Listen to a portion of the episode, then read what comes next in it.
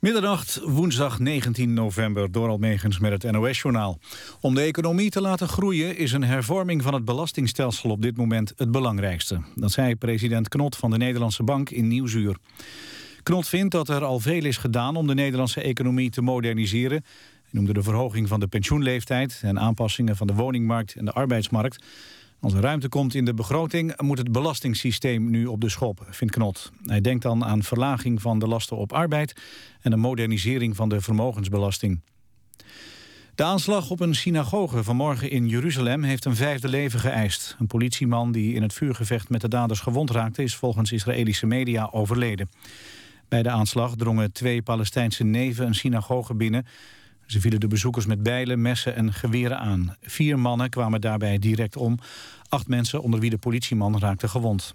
De daders werden door de Israëlische politie doodgeschoten. De PvdA wil de discussie aanzwengelen over erkenning van de Palestijnse staat. Kamerlid Servaas zei in de Tweede Kamer dat Israël nu te veel de sterkste partij is in het conflict. Erkenning van Palestina zou ertoe leiden dat de partijen gelijkwaardiger worden. Servaas realiseert zich dat er geen meerderheid is in de Kamer voor erkenning. Alleen de SP, GroenLinks en D66 steunen de PvdA. Na een actie tegen olieboringen heeft de Spaanse marine het schip de Arctic Sunrise van Greenpeace aan de ketting gelegd. Het schip ligt in een haven op het eiland Lanzarote. Volgens Greenpeace laten de Spaanse autoriteiten het schip pas gaan als de milieuorganisatie 50.000 euro borg heeft betaald. Volgens de Spaanse marine kwamen de actievoerders te dicht bij een onderzoeksschip van een oliemaatschappij en hebben ze daarmee de veiligheid op zee in gevaar gebracht. Vorig jaar werd de Arctic Sunrise in Rusland ook al aan de ketting gelegd. De bemanning zat toen maandenlang vast. Het weer is bewolkt, wel op de meeste plaatsen droog. Minima liggen vannacht rond 6 graden. Overdag opnieuw veel wolkenvelden. Geleidelijk klaart het wat op. Het eerst in het noordoosten blijft vrijwel overal droog. Dan wordt het overdag 9 graden. Dit was het NOS Journaal. NPO Radio 1. VPRO. Nooit meer slapen.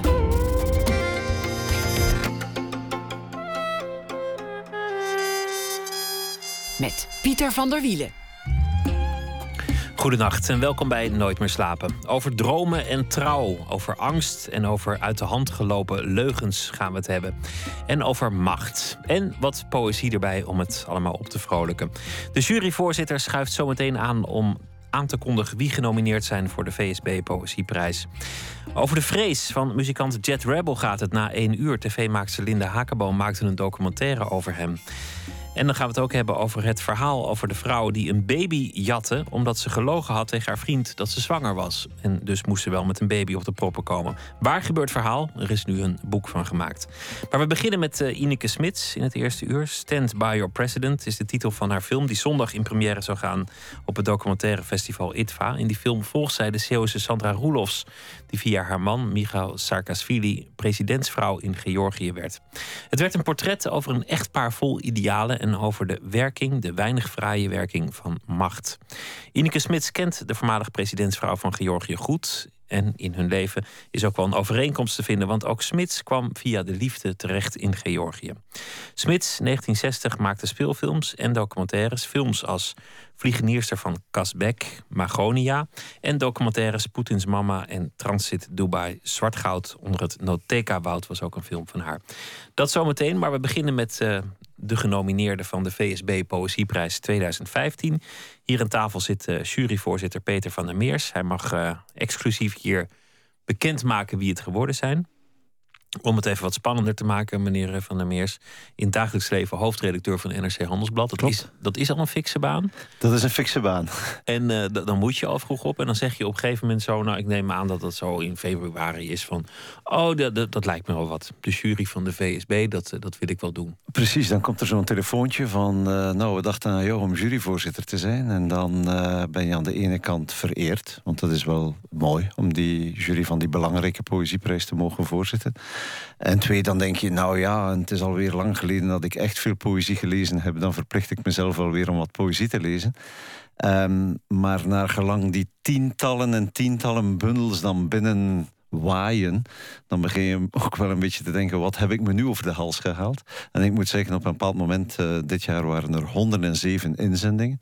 Uh, ja, dat wordt dan toch wel een hele, een hele klus om die uh, te lezen.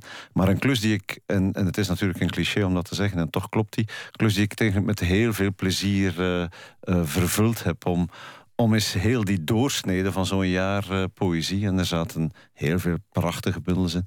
om die tot jou te mogen nemen. Heel veel prachtige bundels, maar natuurlijk zaten er ook heel wat minder prachtige bundels tussen. Ja, precies. Uh, nu, het is, je hebt 107 bundels. Uh, ik, heb, uh, ik heb er vanochtend nog een foto van op Twitter gepost. Dat is een stapel van 85 centimeter hoog. Ehm, en het is zo dat je eigenlijk relatief snel daar de 30, 35 beste bundels uit kan uh, halen. Uh, maar om dan een uh, serieus oordeel te vellen, en, en daar was dan in deze plaats natuurlijk een, een meer professionele jury dan ik verantwoordelijk voor, om daar een serieus oordeel over te vellen, dan moet je toch wel op een serieuze manier met die bundels bezig zijn. Want dat verdienen die dichters natuurlijk ook wel. En dan die, die 30, 35 bundels goed lezen en tot je nemen en aan de kant leggen en weer eens opnemen en bekijken en, en een aantal keer met de jury samen samenkomen om erover te discussiëren wat al bij al de vijf beste zijn. Want daarover gaat het tot nu toe. En straks dan om van die vijf beste de allerbeste te kiezen. Ja, daar kruipt eigenlijk heel veel tijd en heel veel discussie in. En met de jury hebben we inderdaad heel hard gediscussieerd. Hoe doe je dat eigenlijk? Vijf... Want je hebt, je hebt 100, 100 zoveel bundels en, en je hebt dan een jury, die moet het eens worden. Nou ja, ik, het lijkt me een hele lange zit als je ze alle honderd zoveel moet bespreken. Ja, ik had op voorhand, uh, een van mijn voorgangers als voorzitter was de heer Abu Talib, vorig jaar of het jaar daarvoor.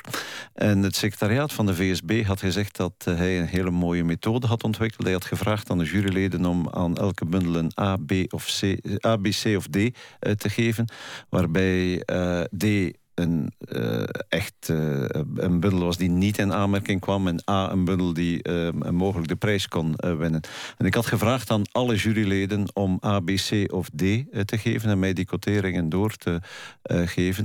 Waardoor op eerste moment waar we met z'n vijven samen zaten, er eigenlijk maar een goede 30 bundels nog op tafel lagen. Dan ben je al van 107 naar 30 gegaan. En dan waren er een aantal die duidelijk veel meer A's en B's hadden dan anderen. En eigenlijk drijven dan tamelijk rap 15, 17, 18 bundels boven. Waren er ook die een A en een D hadden? Dat, dat, dat, dat de meningen volstrekt Ja, precies. Er waren een aantal bundels die een A en een D hadden. En dat waren natuurlijk de heel interessante bundels. Want dat is het moeilijke met poëzie, dat het soms onbegrijpelijk is. Ja, en, en soms onbegrijpelijk. Of dat er dan een discussie is over consistentie. Dat iemand zegt, ja, maar ik heb er een A gegeven... want, want uh, ik vond er zoveel heerlijke uh, gedichten. En iemand anders zegt, ja, ik vond die ook wel heerlijk. Maar in het tweede deel, bij wijze van spreken... zakt de bundel totaal in. En, uh, en dat is dan ook het mooie van die juries die samenkomen. En, of die jury die samenkomt en elkaar probeert te overtuigen. Um, en het allermoeilijkste was om. Dus we zijn één keer samengekomen om naar een tiental bundels te gaan.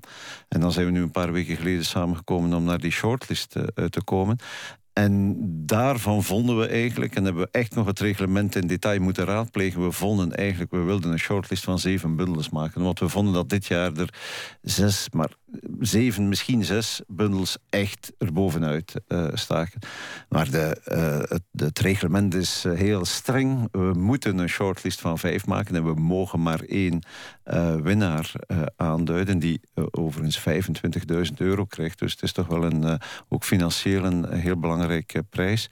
Um, en dus hebben we op een bepaald moment echt van ons hart en steen moeten maken. En zijn we eigenlijk met een, met een letterlijke stemming, is er gestemd over wat, wat wordt dan, uh, wat valt eraf? Wat wordt 6 en 7? Uh, en wat eigenlijk dan weer een beetje tekort doet aan, aan die dichters, uh, vind ik. Maar goed, dat is dan dat is een beetje het, het gevolg van, van de methodiek van zo'n prijs. Ik zal niet vragen welke de nummer 6 en nee. 7 waren, want dat is onnodige pijn. Dat is zinloos geweld. Dan, dan is er een dichter die wakker ligt en denkt: ach, ik was 6. Dat, kunnen, we ook niet doen. Ja.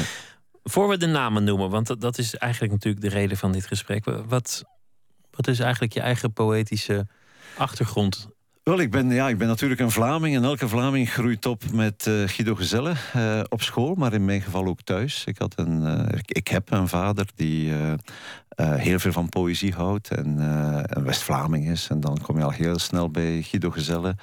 En rinkelende, kwinkelende waterdingen en hele, mooie, hele mooie gedichten. Uh, maar ook, ook op de Vlaamse scholen natuurlijk, als kind, uh, Annie M. G. Schmid, uh, heel erg. ik vertelde het nog niet zo lang geleden dat ik ooit tweede geworden ben op een poëziewedstrijd toen ik een jaar of tien was met de Spin Sebastiaan. wat een grote frustratie geweest is in mijn leven dat ik maar tweede werd met dat gedicht. en dan eigenlijk later, en dan spreek je al de jaren van de universiteit, heel erg beïnvloed door mensen als Herman de Koning. maar ook, en, en dan aan de universiteit, Hugo Claus Kopland, Komrij. En dan nog wat later, omdat ik dan een grote belangstelling voor de Eerste Wereldoorlog heb ontwikkeld. heel veel ehm, belangstelling. En iemand als Tom Lanois heeft mij daar erg in gestuurd. en Geert Bulens, die hier in, in Utrecht doseert en heel veel over die war poets gedaan heeft.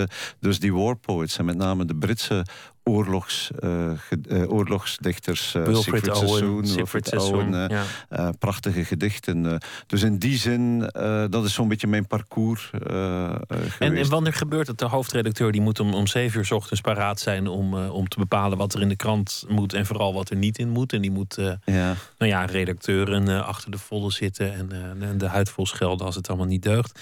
Wat is dan het moment dat de hoofdredacteur tot poëzie toekomt? Wel een van de goede dingen van hier een, een, eh, een wat uh, nomadenbestaan te leiden. Mijn vrouw woont in, uh, in Brussel en ik woon dus nu al vier jaar hier in Rotterdam en Amsterdam. Is late avonden op mijn appartement thuis. En de hoofdredacteur heeft dan natuurlijk het grote voordeel en voorrecht uh, dat die hoofdredacteur mag zijn van een redactie waar ook veel mensen met literatuur en dus ook met poëzie bezig zijn. En dat heel geregeld is iemand zegt, hey, dit moet je eens lezen of heb je dit al eens gezien? Uh, en dus in die zin voel ik mij ook wel geprivilegeerd dat heel geregeld mensen bij ons ook op de boekenredactie, die ook mijn belangstelling wel wat kennen, uh, mij iets toestoppen, ook proza, en zeggen van dit moet je echt eens lezen. En, en ik, ik ben jaren correspondent geweest in Frankrijk en uh, heb ooit een biografie geschreven van uh, François Mitterrand, de gewezen president. Een van de mooie dingen heb ik uh, altijd gevonden van Mitterrand, die, ja, die een land moest leiden, dat hij elke dag tenminste één uur tijd las om fictie een tijd nam om fictie te lezen. Uh, zowel proza als, als poëzie. En hij vond dat een goed staatsman fictie moest lezen nu en dan. en romans moest lezen en poëzie moest lezen. En ik moet zeggen, ik heb daarvan... En ik ben natuurlijk geen staatsman. ik ben ook maar een journalist. Maar overgehouden van... hey, ik moet kranten lezen en ik moet heel veel dikke boeken lezen over allerlei wereldproblemen. En ik doe dat ook met heel veel plezier. Maar het is ook wel goed om heel geregeld je, je te verliezen in een roman of in een, of in of een, in een gedicht. Nou, daar gaan we. De, de vijf genomineerde bundels voor de VSB Poëzieprijs. De belangrijkste poëzieprijs uh, van Nederland. Uh, eind januari kan ik nog melden. Dan is de uitreiking 28 januari in de Kunsthal in Rotterdam. Degene die hem dan definitief krijgt, die komt ook in dit programma uh, over de vloer. Het is dan ook Poëzieweek. Ze gaan ook nog op reis langs Nederlandse en Vlaamse uh, podia, de, de genomineerde dichters. Dus die moeten elkaar ook nog uh, aardig gaan vinden. Anders wordt het een vervelende reis. En die, die vijf genomineerden, Peter van der Meer, juryvoorzitter, noem het. Wel, die zijn in alfabetische volgorde. Zijn ze de bundel Vlinderslag van Piet Gerbrandi. Uh, de bundel Ik trek mijn species aan van Sascha Jansen. De bundel Archaïs de dieren van Hester Knibbe. De bundel Mens, Dier, Ding van Alfred Schaffer. En tenslotte de enige Vlaming die de shortlist gehaald heeft. Wij Totale Vlam van Peter Verhelst. Twee vrouwen, drie mannen, één Vlaming, vier Nederlanders, twee veertigers, twee vijftigers en een zestiger, geloof ik. Dan, juist. Dan, uh, nou, wens ik ze alle vijf, dat kan natuurlijk helemaal niet alle vijf sterkte wensen, want het wordt er uiteindelijk maar één. Dat, uh... In zekere zin jammer genoeg en gelukkig. En een van de mooie taken van de juryvoorzitter en de jury is dat je ook eh, in opdracht van de arbeiderspers een bundel mag samenstellen met de 100 beste gedichten. Uit al die 107 uh, bundels. Ik denk dat we er al bij al uit een veertigtal hebben we gedichten gehaald. En dat verzacht een beetje de vreselijke taak om één bundel te kiezen. Dat je toch in zekere zin eer mag doen aan 100 dichters door ze, uh, aan 40 dichters door ze in die bundel van 100 geselecteerde gedichten op te nemen. Peter van der Meers, hartelijk uh, dank en succes met, uh, met alles wat er verder nog gebeurt. We gaan luisteren naar Anthony and the Johnsons. Het laatste studioalbum was uit 2010, maar er is ook een live album, Turning. Dat is een beetje ook een soundtrack bij de documentaire die is gemaakt door videokunstenaar Charles Atlas. Achter de schermen kun je dan kijken bij een tour van Anthony and the Johnsons. We gaan luisteren naar een nummer, You Are My Sister.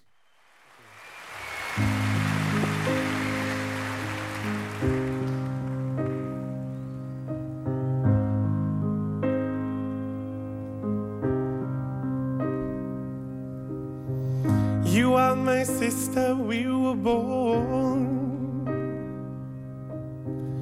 so innocent, so full of need.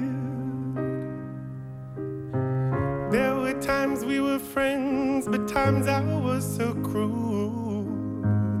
Each night I'd for you to watch me as I sleep. I was so afraid of the night.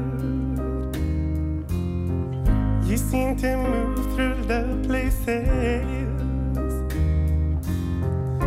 I feared. You lived inside my world so softly, protected only by the kindness of your nature. You are my sister,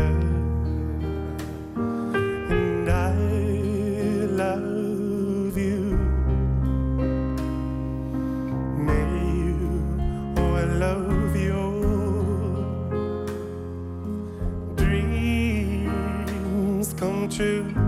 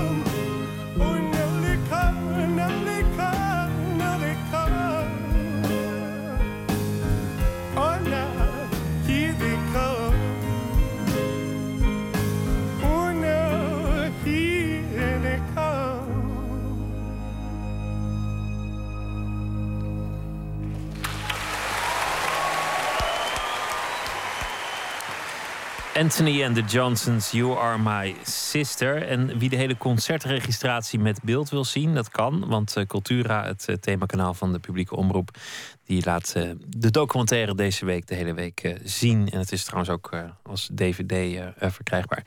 Ineke Smits, die zit tegenover mij. Zij is documentairemaker. We gaan het hebben over de film die op het ITVA in première zou gaan. Stand by Your President.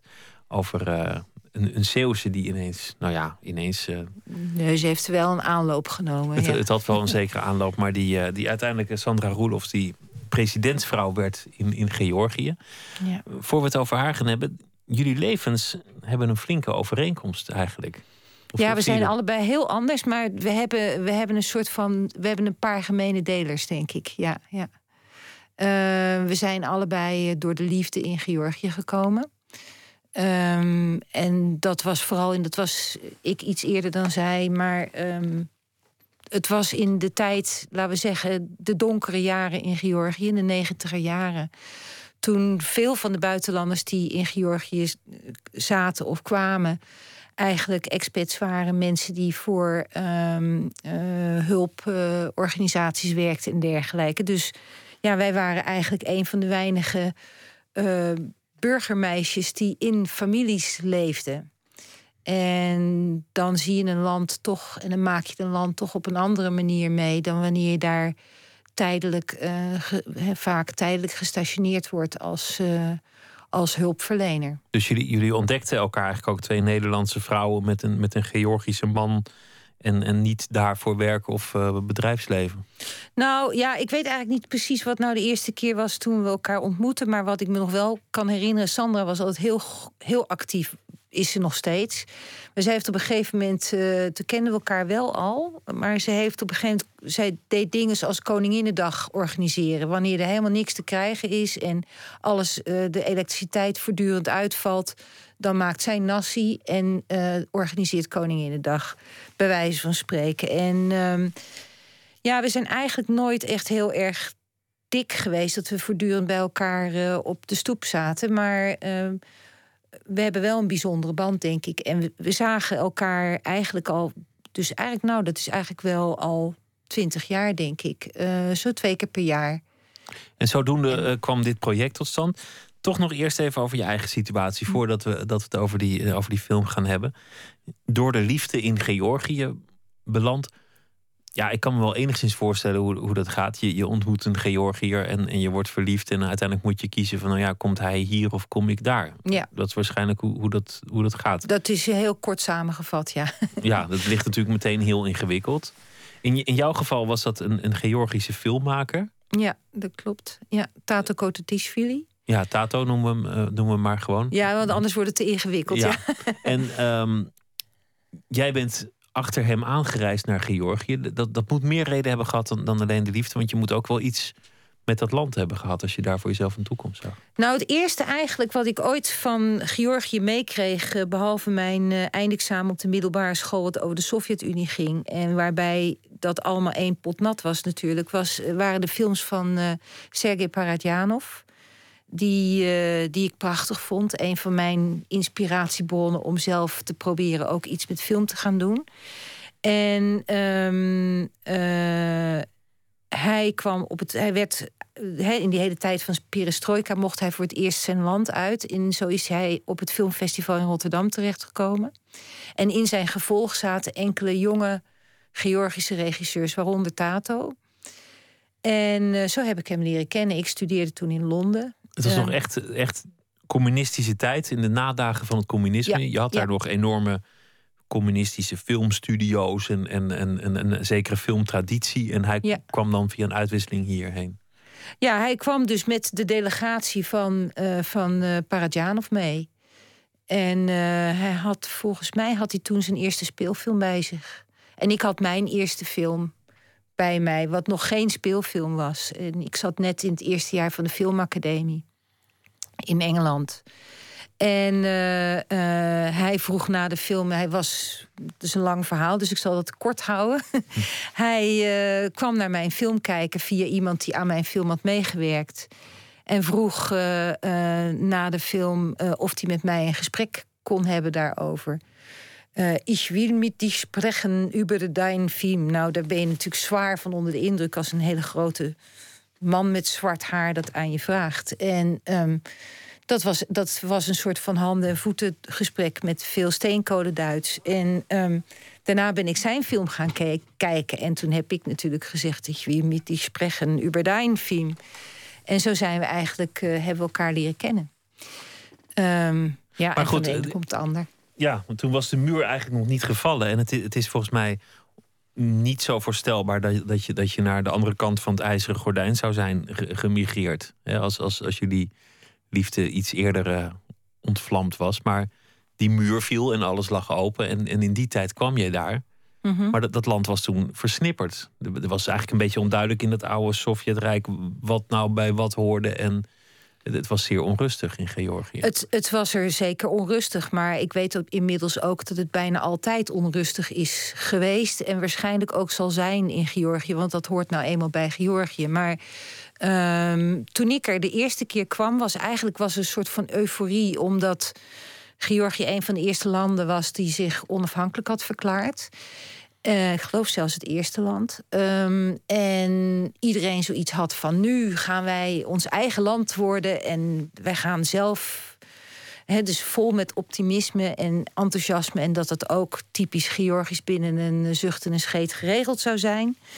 En uh, er waren toen eerste verkiezingen, de eerste president kwam. Dat was allemaal nog een hele goede stemming. En eigenlijk is pas echt met het uitbreken van twee burgeroorlogen uh, met provincies die uh, zich wilden afscheiden van Georgië, is echt de ellende ontstaan. En um, ja, dat is een lang verhaal. Maar dat, daar, toen begon eigenlijk, het begin negentiger jaren, begon, begon het toch behoorlijk zwaar te worden daar.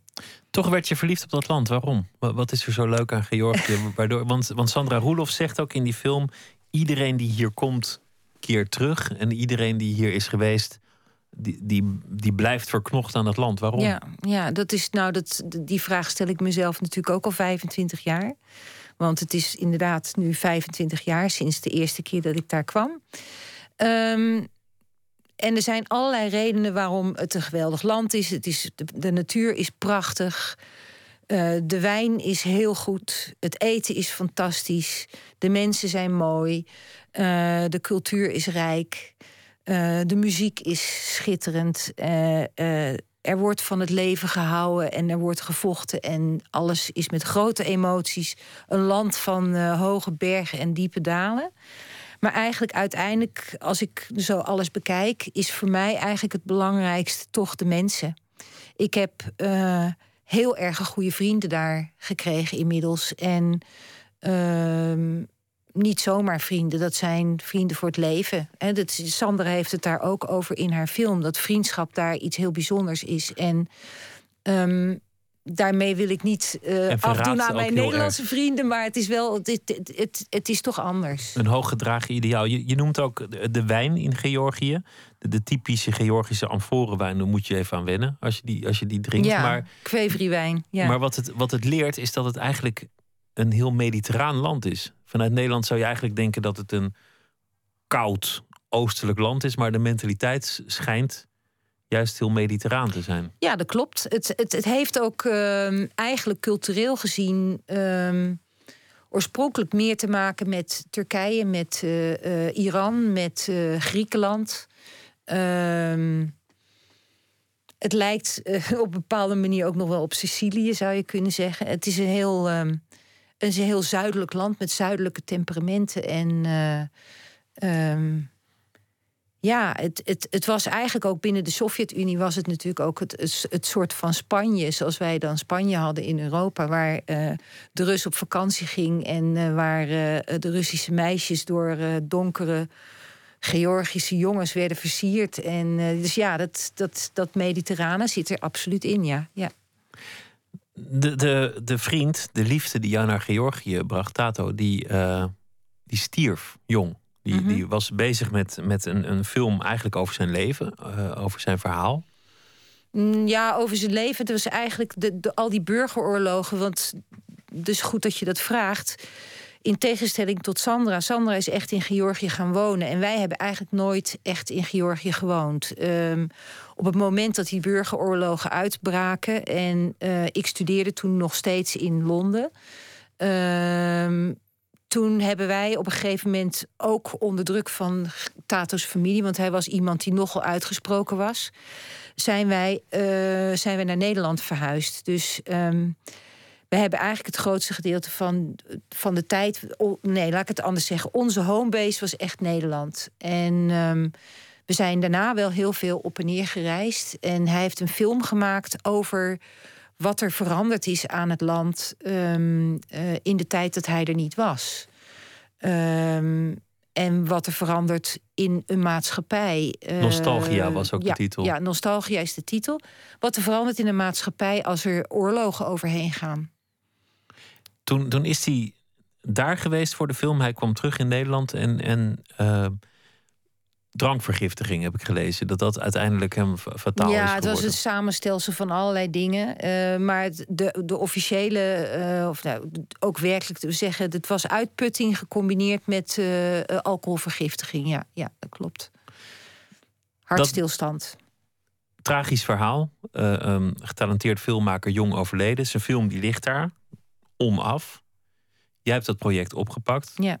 En dat is, dat is volgens mij ook een beetje jouw band met Georgië geworden. Dat is het eerste moment geweest dat jij zelfstandig je door Georgië ging begeven. Ja, dat klopt. Ik, nou, eigenlijk was het al voor de film al. Het was zo dat uh, Tato is, is overleden op de dag dat we terugkwamen van de opname van Nostalgia. En ik wist meteen dat hij begraven moest worden in, uh, uh, in Georgië. Dus uh, ik ben met mijn moeder en een hele goede vriend uh, uh, en zijn broer, die inmiddels over was gekomen naar Nederland, zijn we teruggevlogen naar Georgië naar, om hem daar te begraven. En um, dan kom je terecht als weduwe, kom je terecht in een panagide waar dan allemaal vrouwen zitten die wenen en nou, rituelen die daarbij horen.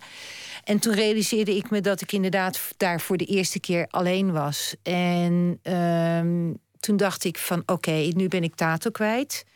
Maar ik moet onderzoeken of ik dan ook het land kwijt ben. En toen dacht ik, het enige wat ik kan doen is nu hier blijven. Dus dat heb ik gedaan. Ik, heb, uh, ik ben zes weken of vier, ik weet niet precies, maar laten we zeggen, vijf weken ben ik uh, gebleven. Het lijkt me verschrikkelijk om, om in het land van je uh, overleden geliefde alleen zonder dat je daar enorm ingeburgerd bent te zijn en te werken. Ja, en daar komen dus die vrienden om de hoek. Waar ik het er net over had. Toen heb je ze leren kennen? Ja, nou ja, die, die, dat waren natuurlijk Tatos vrienden, onze vrienden. Maar daar, dat, dat, daar is echt mijn vrienden, die nu nog steeds mijn vrienden zijn, waren de mensen die mij toen hebben opgevangen. En aan mij hebben laten zien dat ik wel degelijk een plek heb daar. En um, ja, om terug te blijven komen, moet je natuurlijk ook iets te doen hebben. Je kan niet eindeloos als weduwe van daar nog weer op vakantie gaan. En datgene wat ik het liefste doe en het beste kan, zijn films maken. Dus ik ben daar. Ik heb eerst Tatos film afgemaakt. En dat was ook best lastig, maar het was ook heel mooi om dat te doen. Ook een eerbetoon? Ja, zo'n eerbetoon, maar het is ook een hele praktische manier om met uh, de dood van iemand om te gaan. Um, en na die film ben ik, uh, ben ik, heb ik mijn eerste speelfilm daarvoor een groot gedeelte gedraai, gaan draaien. En toen is dat eigenlijk, ja, ben ik eigenlijk daarmee doorgegaan en dat doe ik nog steeds. Magonia uh, speelde deels uh, daar. Het is een beetje een ja. fantasiefilm, maar, maar kwam wel daarop uit. De vliegenierster van Kasbek, deels daar, deels op Texel. Ja. Um, uh, Poetins mama speelt ook in, in, in de regio. Dus ja. het is iets wat steeds terugkomt in ja. jouw oeuvre. Laten we het nu hebben over Sandra Roelofs. Jullie hebben op een zeker ogenblik gezegd... oké, okay, ik ga die film maken. Dan, dan kom je dus in een situatie dat je een presidentsvrouw kunt gaan volgen. Want zij is een Zeeuwse, ze studeerde in Straatsburg. Uh, ja, Brussel. In Brussel, mensenrechten. En daar wordt ineens zo'n Georgische jongen met donker haar... en vrolijke ogen verliefd op haar. Die heeft zijn zinnen op haar gezet. Dat blijkt een politicus, Sarkasvili. Ja, het, het, hoe het, ik zal het even uh, ja. vertellen hoe het echt gegaan is. Zij deed een cursus uh, mensenrechten omdat uh, ze eigenlijk van plan was om in Afrika in de ontwikkelingshulp te gaan. Onder andere deed ze, deed ze daardoor, daarvoor een cursus mensenrechten in, in Straatsburg. Idealisme, kortom. Absoluut, nog steeds. En ehm, daar heeft ze in de kantine een mede student die ook uh, mensenrechten studeerde leren kennen. En daar is ze mee aan de praat geraakt. Ze was al eens in Georgië geweest. En toen hij zei van ik kom uit Georgië, toen zei ze van maar daar ben ik ook geweest. En dat is ontzettend geklikt. En zo erg geklikt dat uh, zij uiteindelijk, om het verhaal wat kort te vertellen, uh, de bullen heeft gepakt, de spaarrekening heeft leeggetrokken. En uh, naar New York is ge getrokken, waar hij recht studeerde. En ehm, ook bij haar van het een kwam het ander. Hij is uh, de man en, en, mensen die die tijd hebben meegemaakt, die herinneren vast zich uh, de beelden dat hij binnenkomt in het parlementsgebouw met in één hand een roos die hij opheft ja. en tegen de zittende regering zegt: treed af, treed af, treed af. Nou ja, die, die regering denkt: God, er staat de schreeuwende menigte, waar is de beveiliging? En die, die staan op. En voor het beeld van de camera's is dat dan maar aftreden. De rozenrevolutie. Ja. Uh, daarmee is hij een, een legende in de geschiedenis van, van Georgië. Maar op het moment dat jij kwam draaien, was hij gewoon president. En, en draaide jij de presidentsvrouw. Hoe, hoe is het om dat te filmen? Waar krijg je dan allemaal mee te maken als je, als je een documentaire maakt over een president in dat land? Nou, dat is, dat is niet makkelijk. Um, ten eerste is het zo dat uh, iedere publieke figuur natuurlijk altijd uh, uh, aan de ene kant heel erg gewend is. En zeker in het geval van Sandra en ook in het geval van Misha, die zijn zo gewend om tien jaar lang onder het oog van de camera te leven, dat, dat daar. Dat, daar komt een soort routine uit voort die, uh, die moeilijk uh, te veranderen is. Hè. Dat is. Je bent gewend iets op een bepaalde manier te doen. En om het dan anders te doen, dat, dat is best lastig. Daar komt bij dat uh, een, een, first lady en een president natuurlijk ook een enorme entourage hebben. Dus bewaking. Voor wie het misschien niet zo duidelijk is wie er een journalist is van uh, de privé en wie er een, uh, een integere documentairemaker is. En ik reken mijzelf graag tot de tweede categorie. Um, uh, en protocol. En uh, natuurlijk een overvolle agenda. Waardoor eigenlijk er voortdurend op en neer gereest wordt en op en neer gehold wordt. En je eigenlijk nooit de tijd hebt om uh, een camera eens rustig neer te zetten, eens een locatie te be Dus je moet, je ja. moet de weinige tijd die je hebt benutten. Ik zie op een zeker ogenblik hoe zij als, als presidentsvrouw, want zij is ook een, ook een beetje een icoon in het land. En iemand die er eigen uh, agendapunten heeft, waaronder ja. de, de, de, zorg. Dus hij gaat op, op bezoek in een, uh, een kraamafdeling, of dan ze lag een couveuse uh, baby. Dan is er een fotograaf die maakt wat PR-foto's. En meteen staat er een bewaker bij die zegt: Mag ik vast even selecteren welke jij gaat wissen en welke niet? Ja, ja, ja. Dat tekent volgens mij wel een beetje de sfeer die, die daar is rond persvrijheid? Ja, nou nee, dat heeft niet, niet, niet iets met persvrijheid te maken. Dat heeft meer uh, te maken met dat uh, uh, het imago van, van de First Lady, zoals, hij, zoals dat, die gezien wordt door het protocol, natuurlijk ook beschermd wordt door die mensen. En dat is een beetje wat ik bedoel met. Ehm, dat het soms lastig is om dan te filmen, omdat dat zijn niet... gewoon spindokters, zoals, zoals hier. Uh... Nee, dit is, dit, dit, dat zijn gewoon bewakers die gewoon vinden dat je een first lady als een first lady moet fotograferen. En die ervoor waken dat haar goed zit, dat ze er leuk uitziet. En die, uh, uh, ja, die gewoon bij wijze van spreken hun verantwoordelijkheid niet alleen beperken tot het, uh, het, het afschermen van, van degene voor wie ze werken van, uh, weet ik veel, paparazzi. Maar ook uh, willen zorgen dat zo iemand goed, goed tevoorschijn komt. Want zij is geliefd in, in Georgië. Ja, zeer. Ja. Zij, zij wordt nou ja, ook wel gezien als, als in, inmiddels een inwoner van Georgië of, of een, een vooraanstaand burger. Maar ook wordt ze een beetje op handen gedragen als een, een vrouw van idealen en, en zuiverheid en dat soort dingen. Mm -hmm. Dat ja. is een imago wat natuurlijk ook geconstrueerd is voor een deel. Nou, dat, ja, nee, dat denk ik in dit in het geval van Sandra niet eigenlijk. Um, ze is echt iemand die erg uh, gelooft in, uh, in uh, grote idealen en bijna soms op een romantische manier. Um, maar ook heel realistisch aan de andere kant. Dus het is, wat zij doet is geen, geen uh, toneelstukje, bij wijze van spreken. Um, ik geloof wel dat zij echt gewoon ook een hoop goede dingen heeft gedaan. Maar dat is misschien niet wat je bedoelt, hè? Nou, laten we het over iets anders hebben. Want, want haar man, dat is die man die, die, die veel mensen nog zullen kennen als de man die vol idealen het parlement bestormt en zegt: treed af, treed af. Als de film wordt gedraaid, is hij al een tijdje president. Ja. En er zijn een aantal momenten dat je op vrij pijnlijke wijze inzicht krijgt in, in wat voor president hij eigenlijk is. Mhm. een, een, man die voor het, voor het bezoek van de Amerikaanse president façades, letterlijk façades laat bouwen. Ja. En, en dan zegt van, nou ja, eerst moeten de mensen maar zien hoe mooi het hier is. En dan, dan uh, maken we het later wel af. Ja, ja, ja. Of een man die, die, de, die aanwijst waar hij de sloppenwijken weggeruimd... omdat er mooie hotels moeten komen. En dan uh, voor de camera eigenlijk met zoveel woorden zegt... ja, die mensen gingen toch niet voor mij stemmen. Dat, het is, je krijgt eigenlijk in alles een, het beeld van een man... die door, door zijn machtshonger dat idealisme volstrekt verloren is. Nou, hij heeft, nee, ik denk dat het vooral, ja, dat zo zou je dat kunnen zeggen. Maar ik denk wat er vooral is dat hij heel erg overtuigd is van een, uh, een bepaalde visie. Hij heeft een bepaalde visie. En daar kan je het mee eens zijn of niet.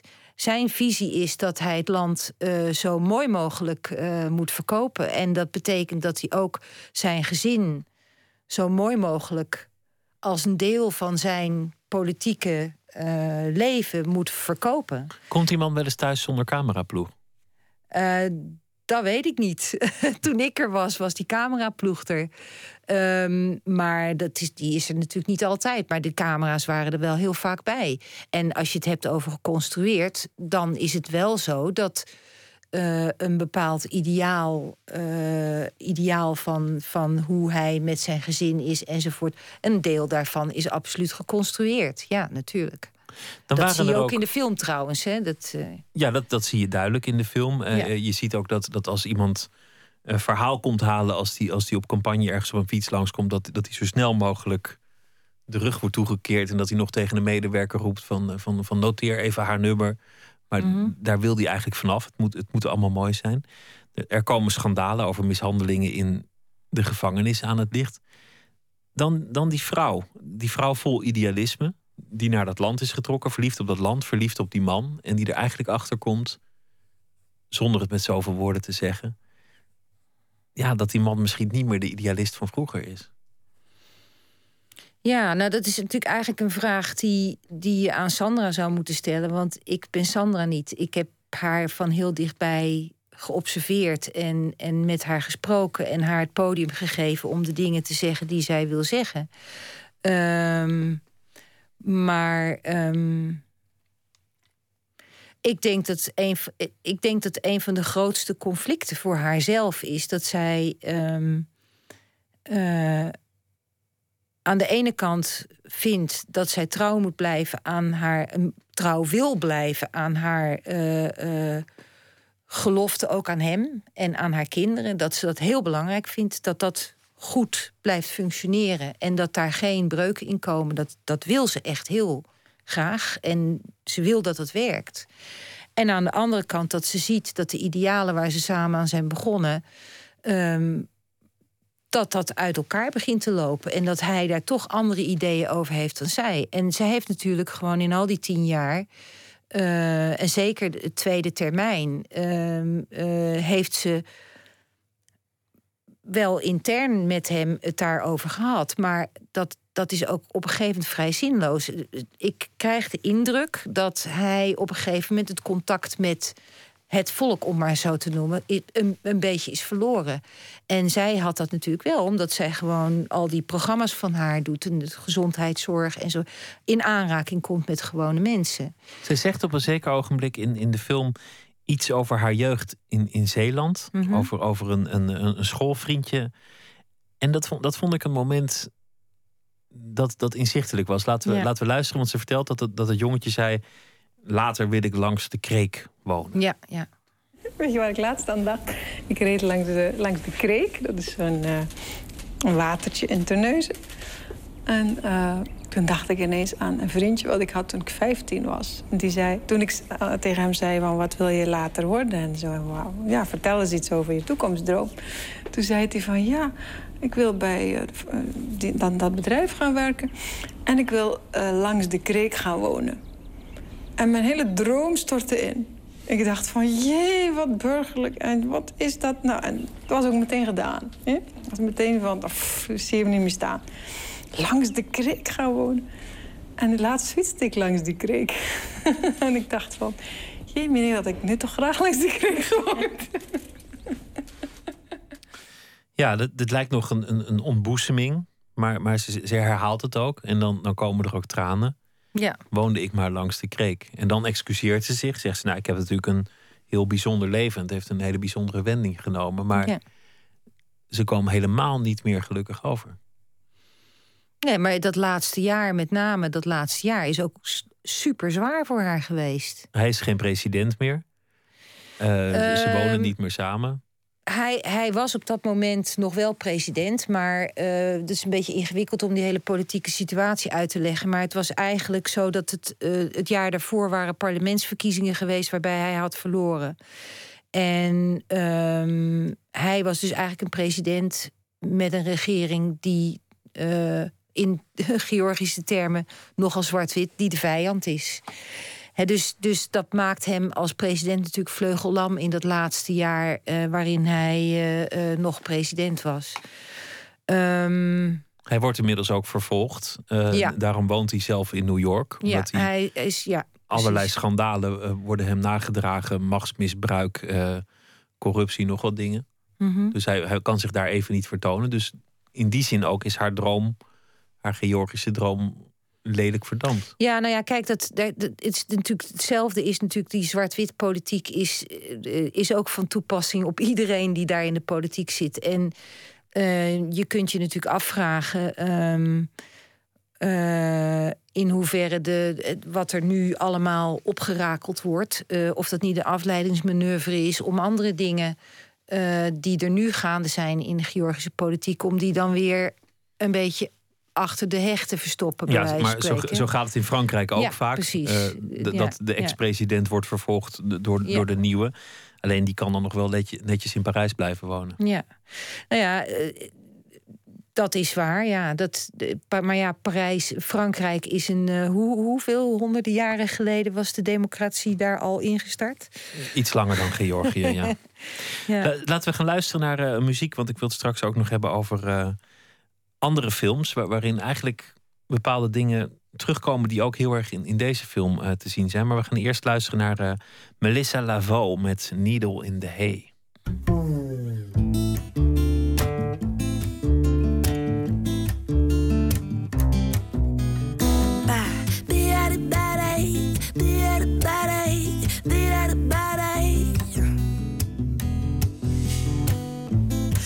Hand on his arm, haystack charm around your neck, strong and thin.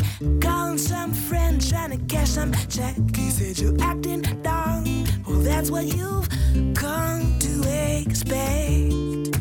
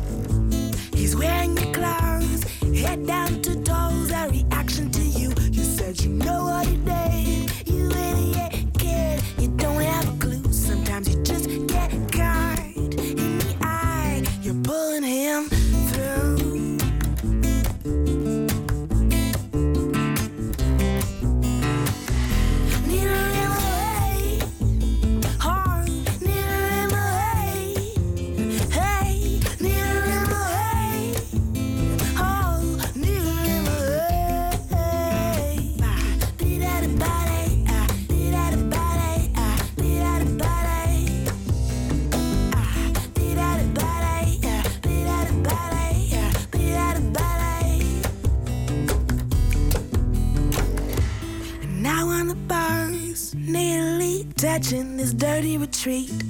Falling out, sixth and pile dead, sweat in my teeth. I'm gonna walk, walk, walk. Four more blocks plus the one in my break. Down, downstairs to the main. He's gonna make it all okay. I can't beat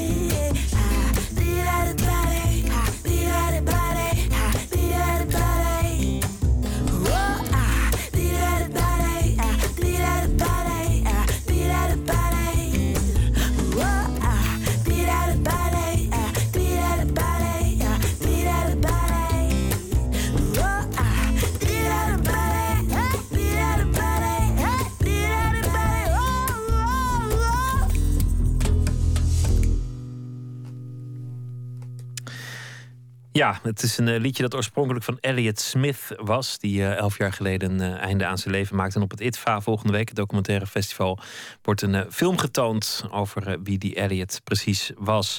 Needle in the Hay was het nummer van Melissa Lavo. Nooit meer slapen in gesprek met filmmaker Ineke Smits. Ehm, ik wilde weg van Sandra Roelofs en Georgië, maar dan vergeet ik eigenlijk bijna wat ik wel een opmerkelijke primeur vond in de film, namelijk Laten we luisteren naar het fragment over, over de, de schijnwerpers in, in Georgië. Namelijk dat zij misschien eigenlijk ook wel in aanmerking had kunnen komen voor een, voor een politieke rol. In plaats van alleen maar First Lady. Ik kan niet beweren dat, dat het feit dat hij president is geen invloed heeft op zijn vaderschap. Want dat is wel zo. Heel vaak, ik was toch wel eens thuis. En dan hebben jullie ons gefilmd. S morgens. Nou, toen mijn vader daarvan hoorde, kwam hij meteen naar huis. Dat, dat doet hij niet zo vaak eigenlijk. eigenlijk nou ja, hij, hij is wel eens thuis, maar 's morgens eten we niet samen. Bijna nooit. Maar deze keer heeft hij het al gedaan. En dan kwam er nog een tv-ploeg bij van een van de kanalen die onder controle is van de Nationale Beweging. Die moest ook komen om dat te filmen. Dus heel vaak is het gewoon zo, de, die familiescènes, daar staan heel vaak van schijnwerpers bij en camera's. Dus een, een ander fragment. Dit is de zoon die vertelt dat er altijd een cameraploeg bij is als die, als die draait. Waar, waar ik op doelde was eh, dat zij naar voren was geschoven door hem. Of dat hij heeft gezegd, waarom word jij niet een tijdje president van Georgië? Dan eh, is Ja, de familie toch haar, nog aan de macht. precies, hij heeft haar naar voren geschoven als eh, presidentskandidaat. En eh, dat heeft ze gezegd dat ze dat niet wil. Lijkt me een primeur. Ik denk dat dat iets is wat in, in eh, Georgië nog wel zal landen. Dat ja, bericht. dat, eh, ik bedoel, zo'n hoop mensen zullen het misschien nog wel ergens vermoed hebben. Eh, Er zal ook nog wel over gerold zijn. Maar om het gewoon echt ook echt te horen, is natuurlijk best wel een ding, ja. ja. We hadden het net over de loop van je leven. Je, je vriendje zegt, hier wil ik later lopen, wonen langs de kreek. Jij denkt, oh nee, dat is niet mijn bestaan. Ik maak het ook wegkom. In het geval van Sandra Roelofs. En komt later terug en denkt, goh, langs die kreek, daar had ik wel willen wonen eigenlijk. Waarom heb ik dat niet gedaan? De wendingen die je ne- leven neemt, maar ook de, de rol eigenlijk die fantasie en de idealisme daarin in speelt. Hè? Dat je een, een beeld maakt van iets wat misschien wel mooier is dan de werkelijkheid. Dat, dat komt eigenlijk in al jouw films terug. Ja. Mensen die, die eh, een ideaal, een beeld en een fantasie hebben. Ja, dat is eigenlijk dat is een soort van, van thematiek die, die eigenlijk zonder dat ik er zelf iets aan kan doen, me steeds weer bij mijn nekvel grijpt. Is de, de, de, de, de kracht van de verbeelding.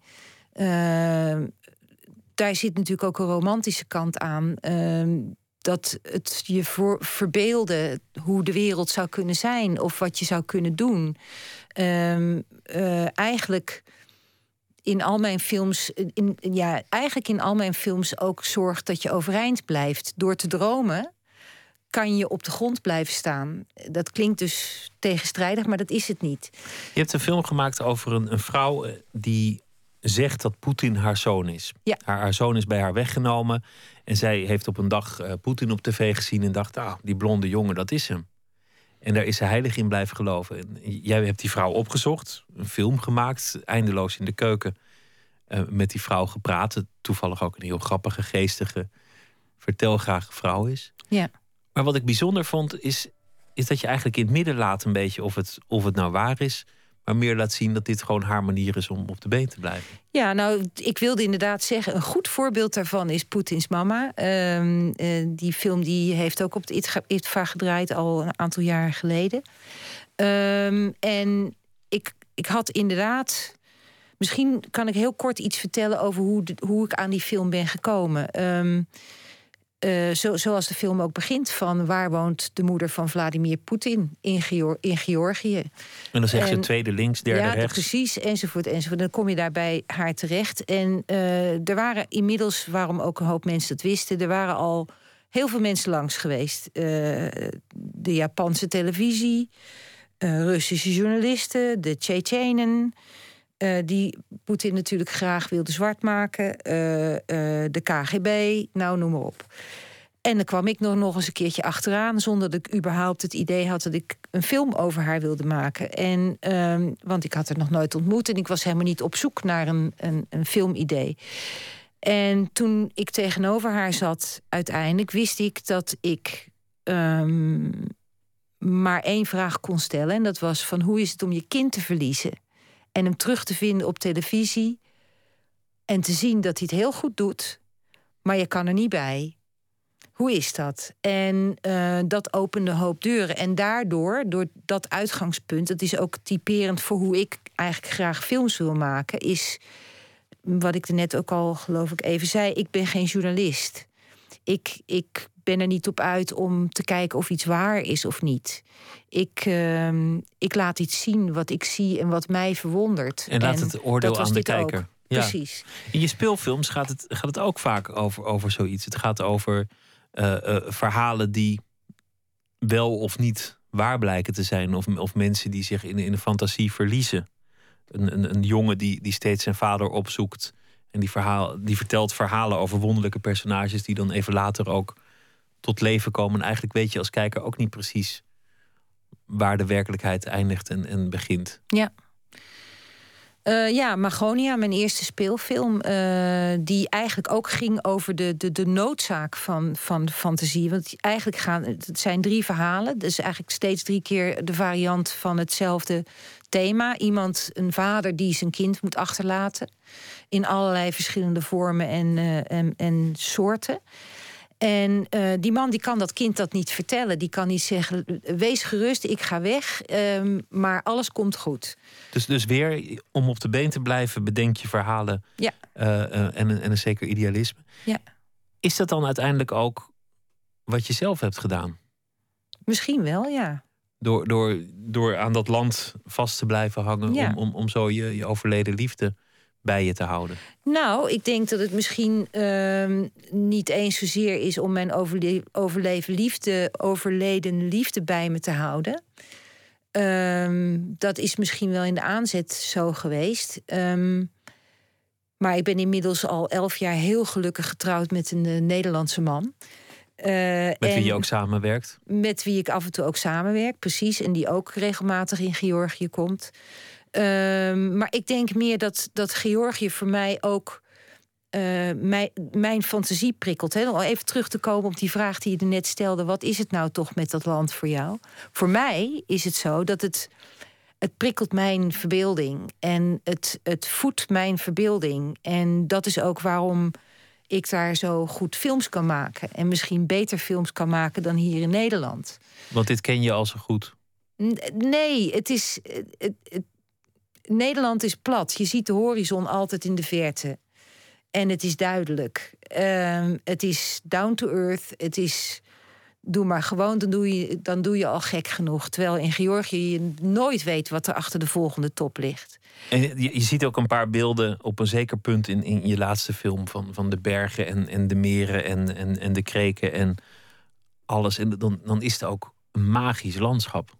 Ja. Ja, en een magisch en, en landschap magisch met land. geheimen. En, uh... en oude mannen die spelletjes spelen en spiesjes die worden gegild. En uh, veel gespetter met een busje in het water. En de enorme romantiek komt daar vanaf. Ja, dat is ook romantisch. Het is ook de realiteit. En dat is het grappige. Dit is de realiteit van. Uh, dit zijn niet allemaal sprookjes. Het is gewoon echt. Het is gewoon een echt bestaand land met echte mensen die echt op een bepaalde manier leven. En het is natuurlijk niet alleen maar mooi. En het is ook, het is, het is ook heel donker en duister. En, en er zitten donkere kanten aan het land en aan de cultuur. Vanaf zondag uh, is die film uh, te zien. Stand by your president. Ineke Smits, dank je wel dat je uh, te gast wilde zijn. En veel succes met alles wat er komt kijken bij de film. Oké, okay, dank je wel. Zometeen gaan we verder met Nooit meer slapen. Via Twitter, @vpro_nms Of via de mail nooitmeerslapen.vpro.nl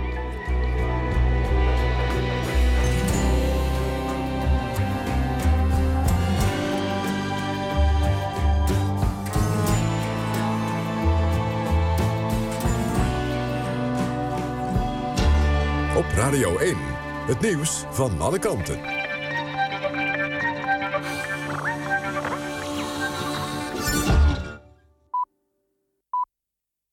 1 uur door Almegens met het NOS-journaal. Om de economie te laten groeien is een hervorming van het belastingstelsel op dit moment het belangrijkste. Dat zei president Knot van de Nederlandse Bank in Nieuwsuur. Knot vindt dat er al veel is gedaan om de Nederlandse economie te moderniseren. Hij noemde de verhoging van de pensioenleeftijd en aanpassingen van de woningmarkt en de arbeidsmarkt. Als er ruimte komt in de begroting moet nu het belastingssysteem op de schop, vindt Knot. Hij denkt dan aan verlaging van de lasten op arbeid en een modernisering van de vermogensbelasting. De aanslag op een synagoge afgelopen ochtend in Jeruzalem heeft een vijfde leven geëist. Een politieman die in het vuurgevecht met de daders gewond raakte is volgens Israëlische media overleden. Bij de aanslag drongen twee Palestijnen een synagoge binnen en ze vielen de bezoekers met bijlen, messen en geweren aan. Vier mannen kwamen daarbij direct om. Acht mensen, onder wie de agent, raakten gewond. De daders werden door de Israëlische politie doodgeschoten. De PvdA wil de discussie aanzwengelen over erkenning van de Palestijnse staat. Kamerlid Servaas zei in de Tweede Kamer dat Israël nu te veel de sterkste partij is in het conflict. Erkenning van Palestina zou ertoe leiden dat de partijen gelijkwaardiger worden. Servaas realiseert zich dat er geen meerderheid is in de Kamer voor erkenning. Cabaretier Jochem Meijer heeft als eerste de André van Duin Comedy Award gekregen. Van Duin reikte de prijs zelf uit tijdens het gala ter gelegenheid van zijn 50-jarig jubileum als komiek. Hij noemde daarbij Jochem Meijer veelzijdig, verrassend en lief. Volgens Van Duin zijn Meijers imitaties briljant en is zijn absurde humor buitengewoon origineel. Het is de bedoeling dat de André van Duin Comedy Award elke twee jaar wordt uitgereikt. Aan de prijs is een geldbedrag van 12.500 euro verbonden... die besteed moet worden aan een speciaal doel... zoals kennisoverdracht aan jongeren of studie. Het weer is bewolkt, wel op de meeste plaatsen droog. Minima liggen vannacht rond 6 graden. Overdag opnieuw veel wolkenvelden. Geleidelijk klaart het wat op. Het eerst in het noordoosten. Het blijft vrijwel overal droog en dan wordt het 9 graden. Dit was het NOS Journaal. NPO Radio 1. VPRO. Nooit meer slapen.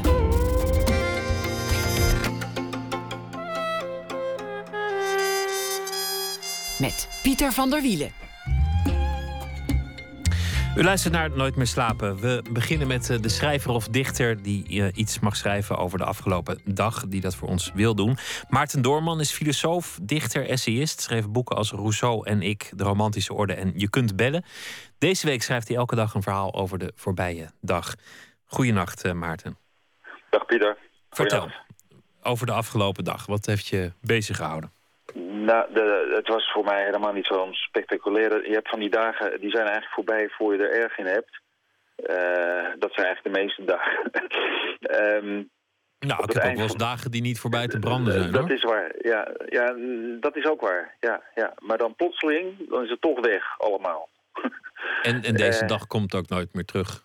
Nee, ik, uh, eind van de dag, dat was nog wel leuk, ben ik naar een lezing geweest over een, of, van een kunstenaar, die, waar ik wel in geïnteresseerd ben. Ik begreep eigenlijk helemaal niet zoveel van wat hij allemaal zei. Maar toch is dat best leuk dan om te zien, omdat je dan een heel ander beeld krijgt van wat zo iemand maakt.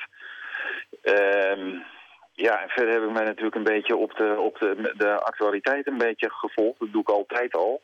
Wat leuk is, als je uh, een verhaaltje over schrijft, kijk je toch weer anders. Of dan, het, ik althans heb dan de neiging om er een beetje wat beschouwelijker dat nieuws voorbij te zien trekken. En dat vind ik wel erg leuk aan dit soort opdrachten.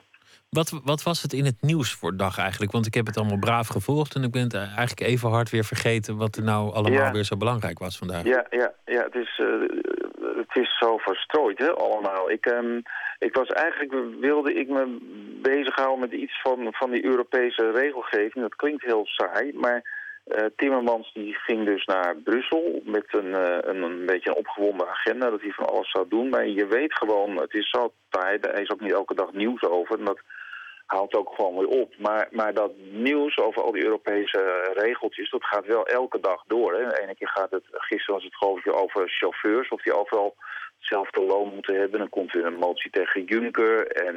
Uh, de, vandaag was er iets met plastic zakjes. en, um, dus dat vind ik wel fascinerend. Het, het, is er de hele tijd, maar het is niet echt nieuws. Maar, maar wat mij meer nog bezig hield, of, want ik zei net, er zit ook iets onder het nieuws, hè? een soort onrust altijd. Uh, dat was die vogelgriep. Die plotseling even heel, heel dreigend leek met dat, uh, dat kippenbedrijf.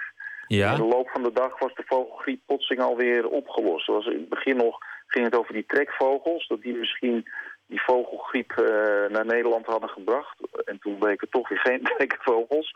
Er zit een soort, dat fascineert me er zit een soort angst onder. En zeker als, het, als je dat aan die vogels... heb je ooit die Hitchcock-film gezien, The Birds? Ja, Van- ja lang geleden, ja. Ja, als je, maar dat is zo'n beeld dat je nooit meer vergeet. Weet je, al die meeuwen die steeds maar naar binnen willen en beginnen te dreigen. En uh, nou, dat is mooi aan, aan die vogels. Ze zijn altijd ver weg, maar ook altijd vlakbij. En ze komen uit vreemde, verre landen.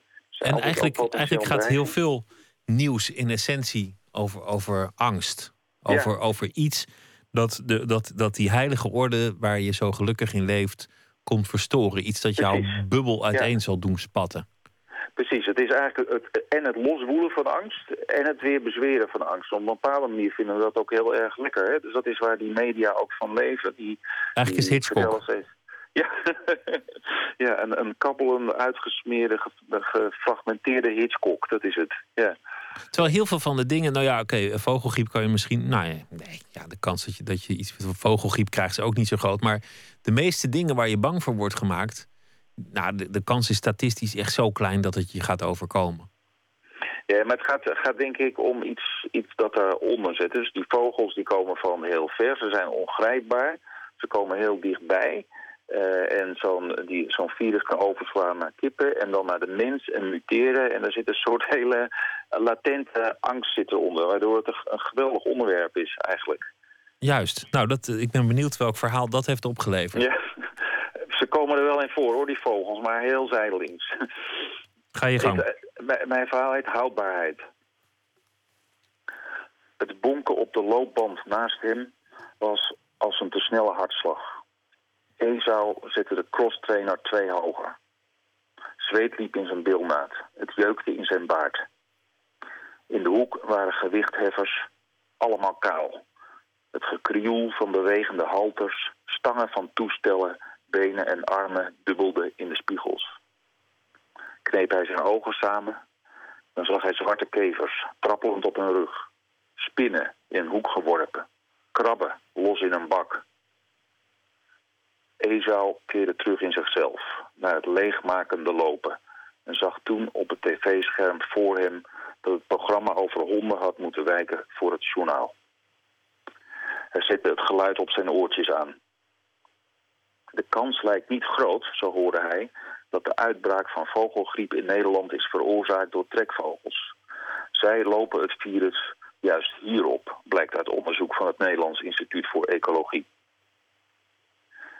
De nieuwslezeres ging op een nieuw onderwerp over en keek hem nu strak aan.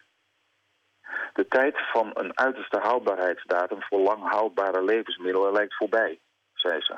De Europese Commissie in Brussel staat welwillend tegenover het Nederlands-Zweedse voorstel om bij levensmiddelen als koffie, pasta en rijst de houdbaarheidsdatum te schrappen.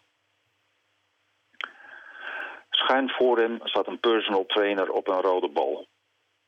Zijn hoofd zat laag als bij een gier. Behoedzaam trok hij aan het been van een vrouw. Haar ogen knepen samen.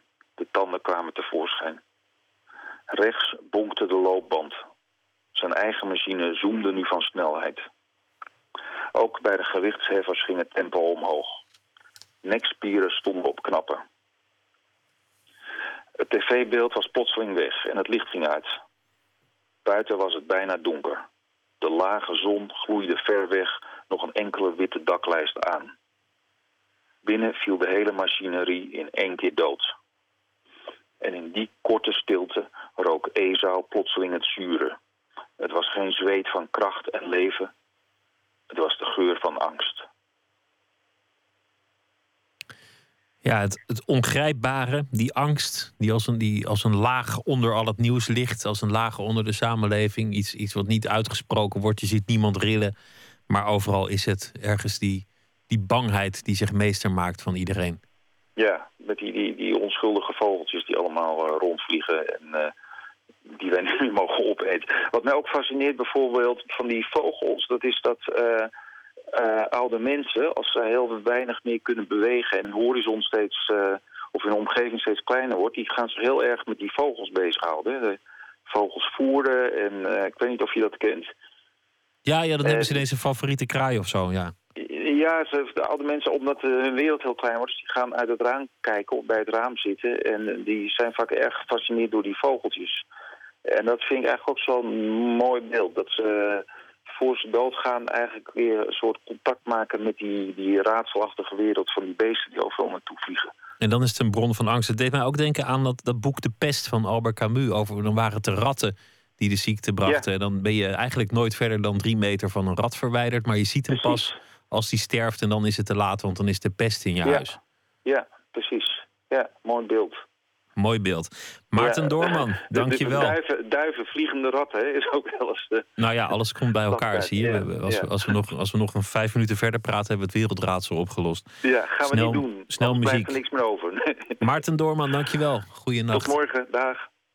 Henny Vrienden was uh, vorige week nog te horen in Nooit meer slapen... als uh, poëziekenner. Hij heeft een bundel gemaakt over de laatste roker. Aan de laatste roker heet hij uh, ook. Over uh, roken en rokers en het uh, uitbannen daarvan gaat het. Hij heeft ook muziek, een nieuw soloalbum. En daarvan draaien we de namen en de plaatsen.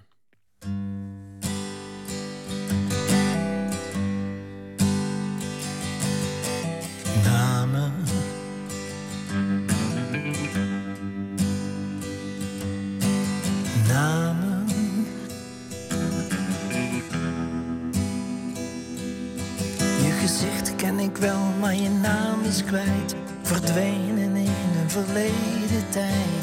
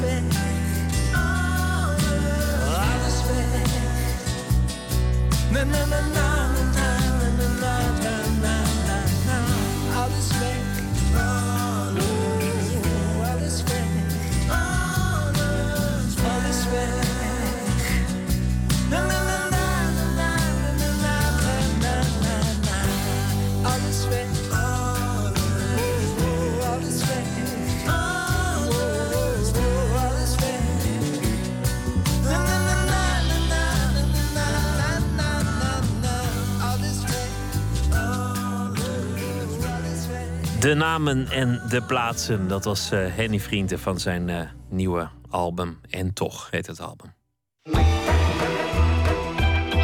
Nooit meer slapen.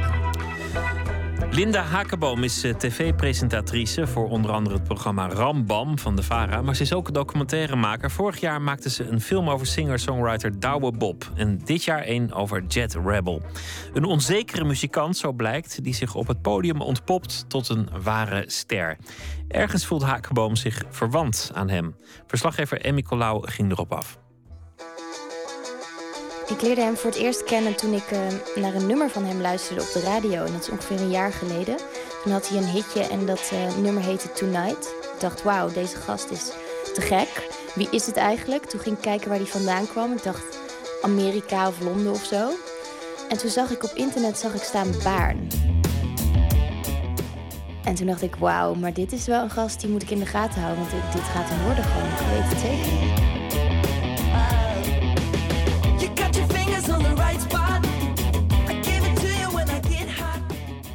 Er zit dus gewoon een soort ehm, lef in die je tegenwoordig niet zo vaak meer hoort. Ik denk dat het woord androgyn wel van toepassing is. Het is een, eh, het is een eh, beetje, ja, als je het moet vergelijken, dan zou het misschien een beetje David Bowie slash Prince-achtige verschijning zijn. Eh, nagellak, lippenstift, extravagante kleren. Toen ik ook een beetje daarover ging opzoeken, toen kwam ik erachter dat hij alle instrumenten zelf speelt. Ehm, het is gewoon een mega talent. Ja, ik weet niet. Ik, ik vind mezelf gewoon heel kut. Soms denk ik dat ik met een kutplaat bezig ben, dat ik een kutmuzikant ben, niks kan en gewoon alles kut is. Hij, eh, hij intrigeert omdat hij extreem verlegen is, eigenlijk. En af en toe niet zo goed weet wat hij met zichzelf aan moet. Maar ondertussen voelt iedereen eraan dat het, dat het een van de grootste muzikanten van Nederland kan worden. En hoe dat gaat matchen, dat is wel. eh, dat boeit wel mateloos, ja. Als ik een, eh, een bontjas aantrek en, eh, en, en, en lipstift opdoe, dan voel ik me veel meer powerful. Ehm, Jelte is te verlegen om zelf op het podium te staan. En toen heeft hij bedacht... als ik dan een alter ego creëer, een soort, soort superster... Een, een gast die alles durft, die meisjes aan durft te kijken... met een ontbloot bovenlichaam als hij op het podium staat... Ehm, die noem ik dan Jet Rebel. En dan kan ik eigenlijk ehm, Jelte wel vergeten vanaf dat moment. Want die bestaat dan gewoon niet meer. Ik ben nog niet klaar. Je ziet er niet uit. Ik ben fucking schor. Mijn gitaar is vals. En toch ga je zo meteen een wereldperformance neerzetten, dat weet je zelf ook. You know it. Maar waarom dan fucking altijd dit? Altijd. Fucking altijd. Ik haat het zo erg. En waarom staat de hele tijd die teringdeur open, joh? Omdat iedereen de hele tijd fucking ziet hoe debiel ik me aan het gedragen ben. Hoe kan ik ooit naar buiten lopen nu? Nu, je moet naar beneden. Kom op, kom op, gewoon gaan. Iedereen gaat lachen. gaan. Hop, go. Op gitaar en zang Jet Rebel, op bas Henny Vrienden, op toetsen Sven Vigé, achter de drums Cyril Directie, achtergrond het Zo Gospel Choir Purple Rain van Prince.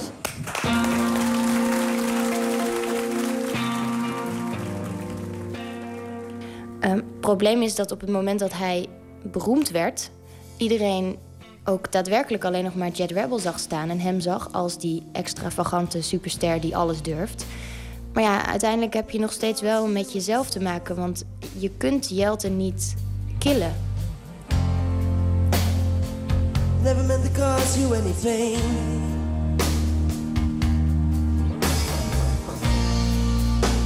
Now I only wanna one time see you laughing. En mensen zeggen dan van ja, dat is bullshit. Want je kan niet hem zijn zonder hem te zijn. Want dat is, dat is de beweging die gebeurt. En dat is ook wel zo. En dan, hij bestaat ook wel. Maar ik vind het niet fijn om hem te zijn, normaal gesproken.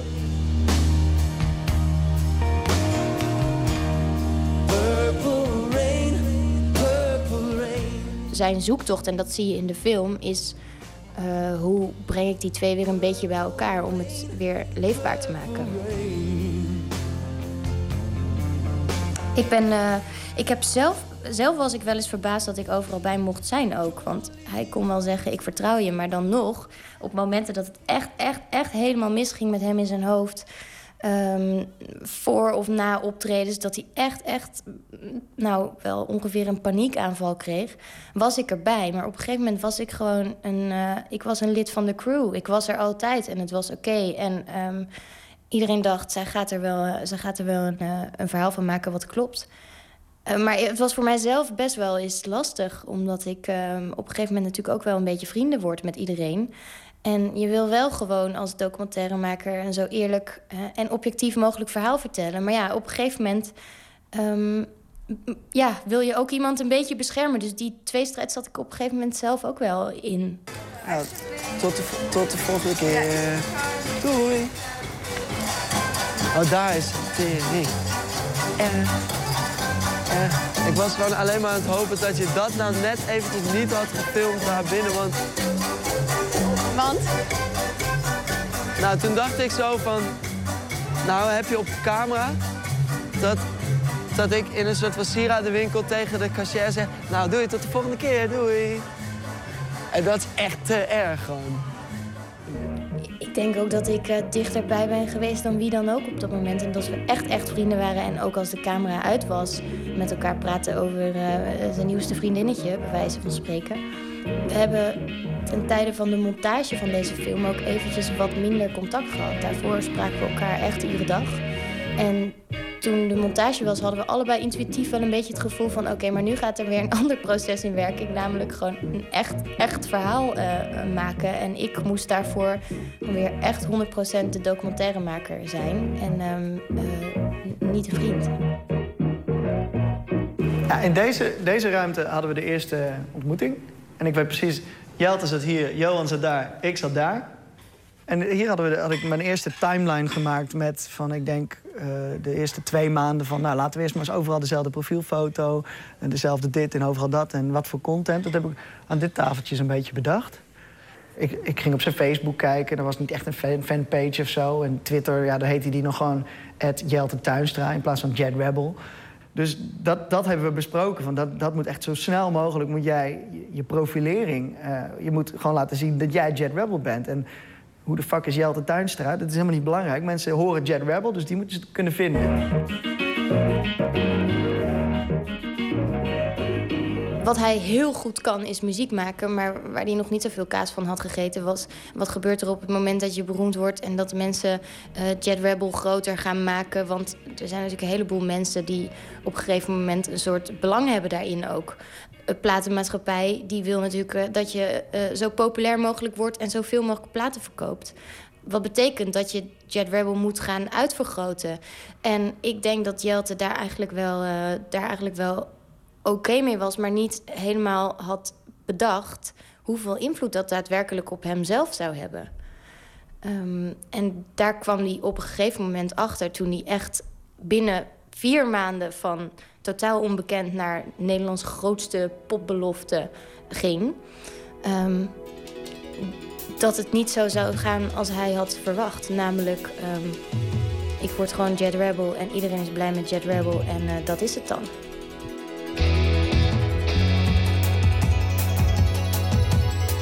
Ik had wel 15 verhalen kunnen vertellen, denk ik. Ehm, maar ik heb deze gekozen omdat deze me echt raakt. Omdat ik op een bepaalde manier heel erg zijn onzekerheid herken. En ook, ehm, ja, je moet je ergens overheen zetten. Als ik een televisieprogramma presenteer, ben ik een andere versie van mezelf. En eh, soms haat ik die versie echt, omdat ik denk: ja, maar wat zit je nou te doen? Wat ben je nou aan het aanstellen? Doe gewoon rustig, dan is het ook oké. Maar het is zo moeilijk om dat voor elkaar te krijgen. En misschien is dat ook wel de belangrijkste reden dat ik deze film van zo dichtbij heb kunnen maken. Dat we heel erg eh, elkaar konden aankijken en eh, begrepen wat er gebeurt van elkaar. Why did you look at me like that? What did you have to do that for? It's hard to Ehm, remember. ik zou het heel erg mooi vinden als hij een zo goed mogelijke manier vindt om Jelte Tuinstra op het podium te zetten. En dat hij echt gelooft dat Jelte het gewoon waard is om ehm, geadoreerd te worden en niet alleen maar zijn alter ego.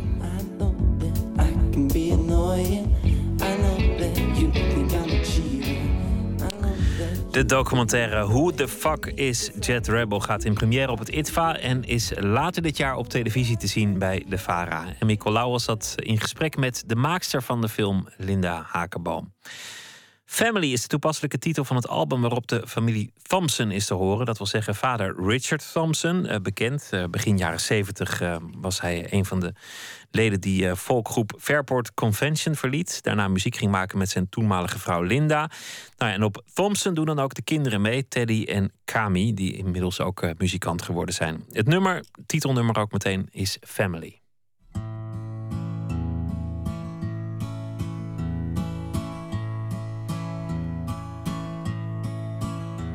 My father is one of the greats to ever step on a stage. My mother has the most beautiful voice in the world. And I am betwixt and between. Sean Lennon, you know what I mean. Born to the manor never quite clamoring free. It's family.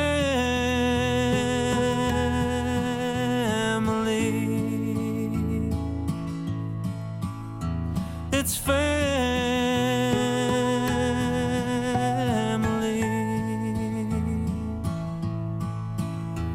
My elder sister is prettier than you'd My younger sister is prettier still and can sing.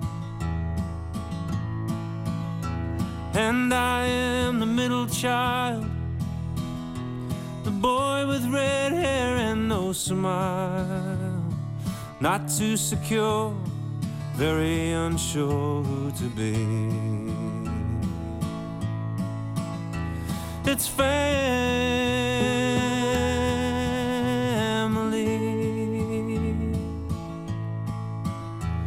It's family.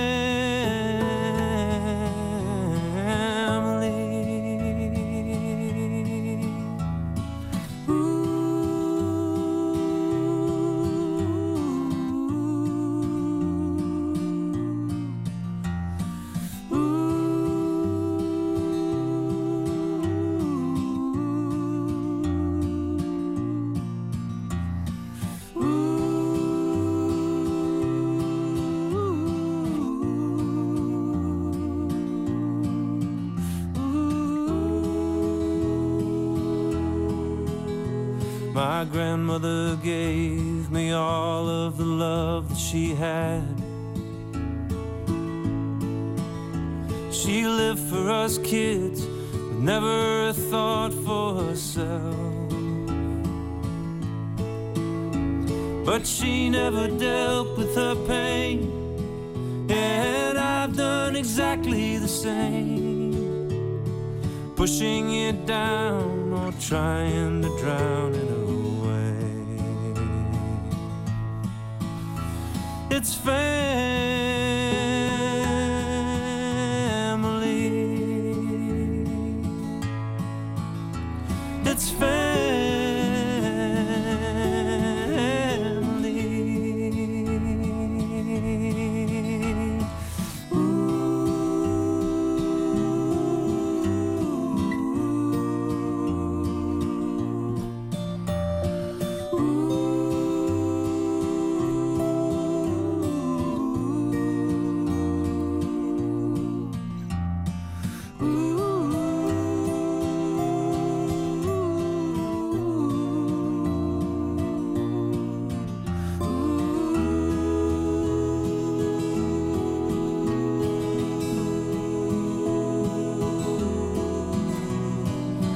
I've come very close to a family of my own. I thought I could just let it come to me as I am. But you gotta know how to choose happiness over the blues, light over dark, willing to start something new. It's family.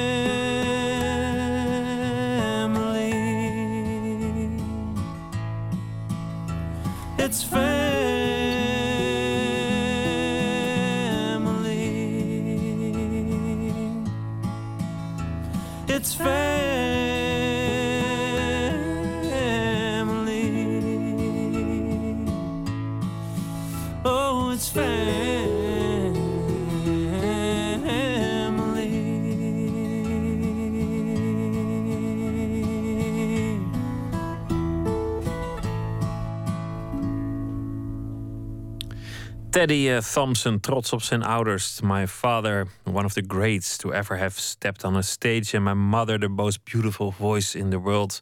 And uh, I'm somewhere in between. Zoiets eh, zong die. In eh, de familie Thompson met het nummer Family. Nooit meer slapen.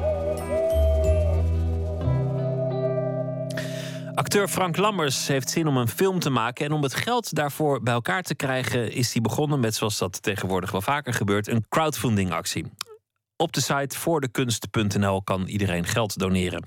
Maar is dat wel een plek voor een bekende Nederlander om geld te gaan halen? Dat was een vraag die werd opgeworpen door eh, collega en filmjournalist Floortje Smit in een column in de Volkskrant. En dat heeft ze geweten. Nachtcorrespondent Botte Jellema, die houdt de onderste steen eh, boven. Goeienacht, eh, Botte. Dag Pieter. Wat is nou het probleem? Waarom zou een BN'er niet aan crowdfunding mogen doen? Nou ja, crowdfunding sites die zijn eigenlijk opgezet om creatieven zonder connecties een kans te geven om geld op te halen. Dat zijn de woorden van Floortje. Dus daar bedoelt ze mee. Dus mensen die niet de ingang hebben zoals mensen die wat bekender zijn, die wel hebben, om die ook een kans te geven om ergens wat op te halen. Nou, nu wordt deze rev- democratische revolutie gekaapt door grote namen. Zo zegt ze dat. Want Frank Lammers, die kennen we ook van dit. Kost allemaal geld, ja. Jongens, lichten! Deur dicht! Je denkt echt dat het allemaal niks kost, hè? Nou, een supermarktreclame. En nu horen we ineens dit zeggen.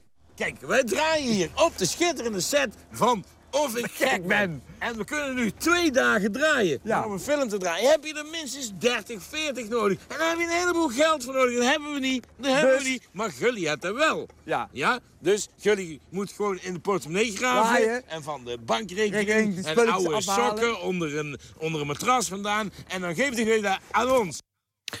Ja, een oproep om geld te doneren eh, voor de film Of ik gek ben. Maar, maar wat is het betoog van, van Floortje? De- Denkt, denkt zij dat eh, Frank geen moeite heeft om dat geld op een andere manier bij elkaar te sprokkelen? Nee, dat denkt ze niet. Maar wel dat ze zich kan voorstellen dat andere mensen dat eh, denken. En dat heeft ze niet zomaar uit de lucht gegrepen. Er stond vanochtend trouwens een ingezonden brief van de producenten van de film in de Volkskrant. En ze waren boos. Uh, of Floortje dacht dat het in, wel echt zo makkelijk zou zijn om aan geld te komen. Nou ja, ik heb haar vanmiddag maar eventjes opgezocht. En wat haar betreft, het begon met een persbericht, vertelde ze mij.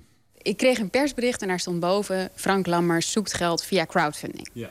Nou, daar sloeg ik op aan, want ik weet dat dat in, uh, in Amerika wordt dat steeds vaker uh, gebeurt. Dat, dat uh, grote sterren, of in ieder geval grote bekende namen... via die crowdfunding-platformen um, financiering zoeken voor hun eigen persoonlijke projecten. Ja. Ik bedoel, Frank Lammers moet ook gewoon wel een producent kunnen bellen en zeggen... hey, ik heb een beetje hulp nodig, kan je niet wat geld erin stoppen? Dus hij heeft al een voordeel op anderen.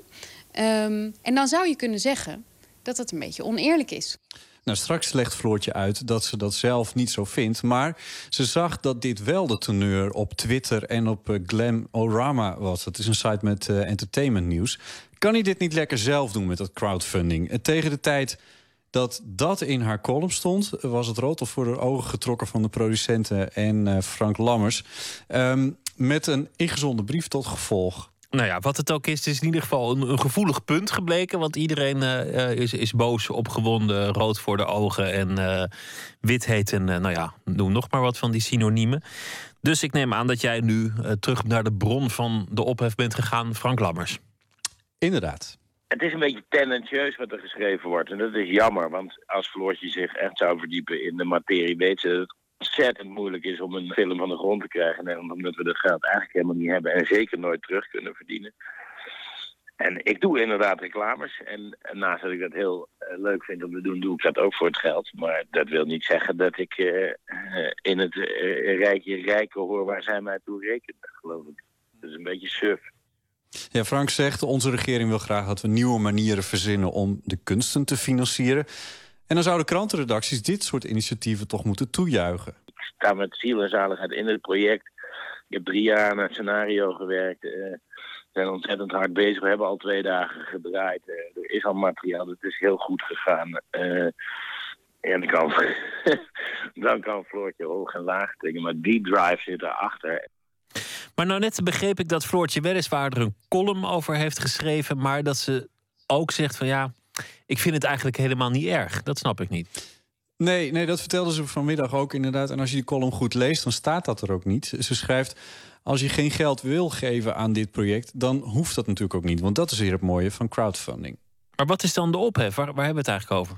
Ja, nou ja, precies. Van waarom worden die producenten dan zo boos? Op welke zere teen is Floortje nou eigenlijk gestaan? Dat heb ik haar gevraagd. Ik heb het gevoel dat de algemene zere tenen waar ik op ben gaan staan... is dat um, makers in Nederland heel erg worstelen met het rondkrijgen van die financiering. En dat ze nu hebben gedacht van we gaan nu een andere weg inslaan. Um, en daar heb ik een beetje kritiek op gehad. Of in ieder geval, ik heb dat, ik heb dat eruit gelicht. Het is een soort miskendheid die er volgens mij zit bij makers. Dat mensen in Nederland zich niet realiseren hoeveel moeite het kost om, om zo'n film überhaupt te financieren. Oké, maar eigenlijk is het betoog van Floortje van ja, die crowdfunding dat is prima en dat gaat gebeuren. Maar uh, bekende namen hebben een voorsprong. Die zouden zich daar niet in moeten mengen. Crowdfunding is iets voor de, voor de outsiders en de, de sloebers. Nou, dat is niet. Dat, dat beschrijft ze inderdaad. Zelf vindt ze het best. Zelfs zegt ze tegen mij: van, ja, ik sta helemaal niet negatief tegenover grote namen die aan crowdfunding doen. Maar uh, ja, op Twitter, um, de, de, de buitenwereld, die ziet dat niet per se meteen hoeveel geld er nou eigenlijk voor nodig is om zo'n film te maken. En uh, of je dat dan wel lukt um, uh, om dat geld bij elkaar te krijgen. ze zegt niemand in Nederland weet wat je verdient met reclames. Misschien is dat wel helemaal niet zoveel als, uh, als iedereen denkt. Dus Frank Lammers zei zelf ook van ja, ik verdien er wel wat geld mee.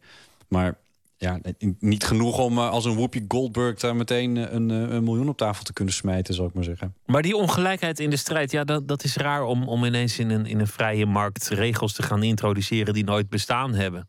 He, dat dat ja. bekende mensen zijn uitgesloten van competitie. Voor mij mag ja. ook een, trouwens een multimiljardair mag toch ook om geld komen zeuren. Je kan het proberen. Waarom niet? ja. nou, dat is het punt. Dan krijgt hij het dus gewoon waarschijnlijk niet. He, het is, uh, want want dat, dat vraagt Floortje zich dan af. Van, nou, wordt deze ja, wat democratische revolutie... wordt die dan gekaapt door de grote namen? Maar ik denk dan toch eigenlijk dat uiteindelijk het een toch een democratische revolutie blijft. Dat, dat als zo'n multimiljardair dat dan gaat doen dat het uiteindelijk toch niet zo heel erg veel gaat opleveren. Ja, mensen zijn gewoon niet gek. Nee, en een ander punt is natuurlijk dat, dat er zoveel wordt gecrowdfund door, door, eh, door, door musea, door particuliere instellingen, door, door de film, door muzici die een album willen maken, schrijvers die een boek willen maken. Iedereen is aan het bedelen. Je krijgt dagelijks zoveel mailtjes uh, en bedelbrieven binnen. En intussen is de belastingdruk nog geen penning omlaag gegaan, ondanks alle bezuinigingen. Dus ik zie het toch wat minder uh, rooskleurig in, dat crowdfunding. Ja, en ondertussen, uh, want ik volg het dan nog wel eens een klein beetje. niet alleen professioneel, maar ook privé wel. En dan zie ik toch dat er, dat er toch ook wel een flink aantal van die uh, crowdfunding acties wel degelijk lukken. Um, sympathieke projecten die toch ondersteund worden door familie en vrienden. die het dan toch voor elkaar krijgen om, om wat geld bij elkaar te rapen. Wat dat soort projecten wel meteen ook heel sympathiek maakt natuurlijk. Um, dus ja, over het dat was wel leuk, deze film ook. Dit, uh, dit gaat dan over de film Of ik gek ben. Uh, daar hebben de, de, de producenten en Frank Lammers uh, het echt op Brabant gegooid. Nou, Frank Lammers is een Brabander natuurlijk.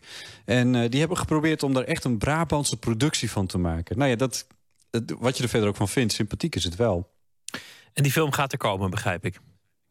Ja, dat gaan ze uh, echt proberen. Uh, Mike Weerts, dat is een uh, acteur, maar die heeft ook de rechten ooit gekocht omdat hij enthousiast was over het boek. Of ik gek ben. Die heeft samen met Frank Lammers, Frank Lammers gaat het regisseren, dat hebben we misschien nog niet eens gezegd. gaan ze dit nou echt opzetten? als die crowdfunding lukt en ze krijgen het, de, het geld bij elkaar, dan hopen ze de film volgend jaar af te hebben. Botte Jellema, dankjewel. Graag gedaan.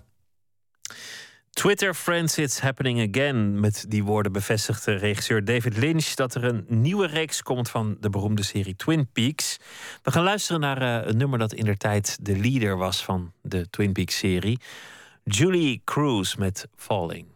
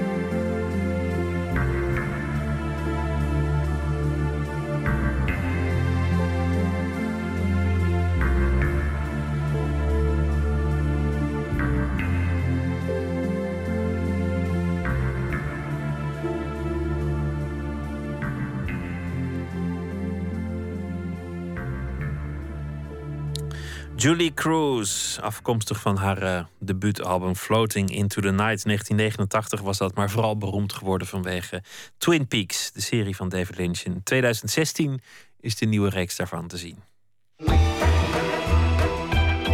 Nooit meer slapen. In 2008 werd een jonge vrouw veroordeeld voor het ontvoeren van een baby. Ze kidnapte het kind omdat ze haar vriendje had voorgelogen dat ze zwanger was.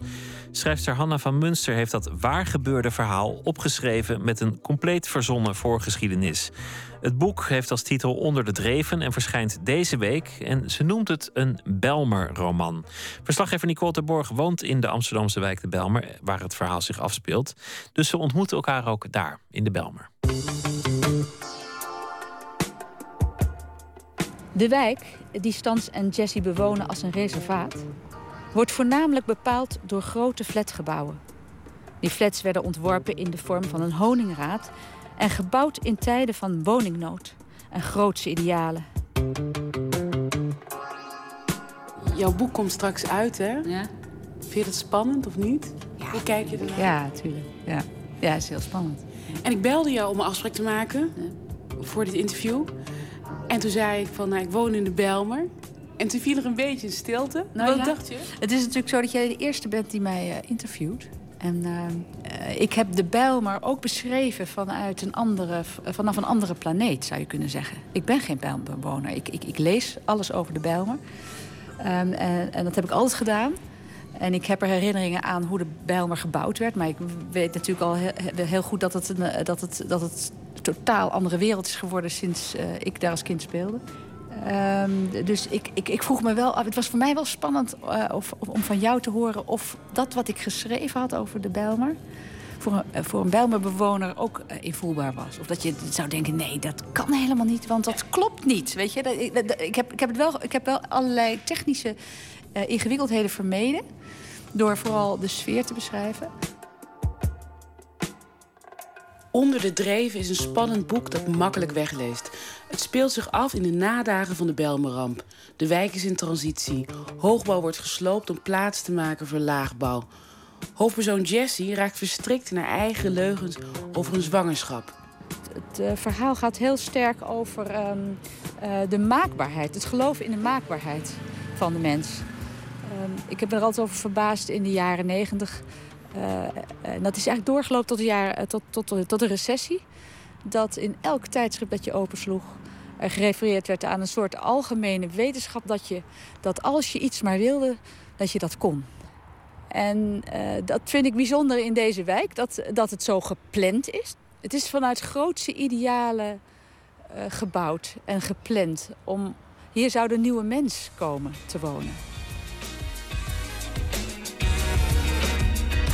Want dit is dus een kaart. Ik, ik, heb enorm gezocht naar een kaart waar je nog die oude Bijlmer op stond. En dan kun je dus eigenlijk heel goed zien wat daar Zullen we hem even neerleggen hier op het ja. muurtje? Ja, waar, waar, zijn we nu? Weet jij dat? Kun ja, jij dat? dat weet ik. Want, we zijn, uh, ja? we zijn bij... Jij wo we waren net op het Anne van Munster heeft als kind vaak in de Bijlmer gespeeld, want ze woont in Diemen, vlak in de buurt. Tegenwoordig woont ze in de Amsterdamse Pijp.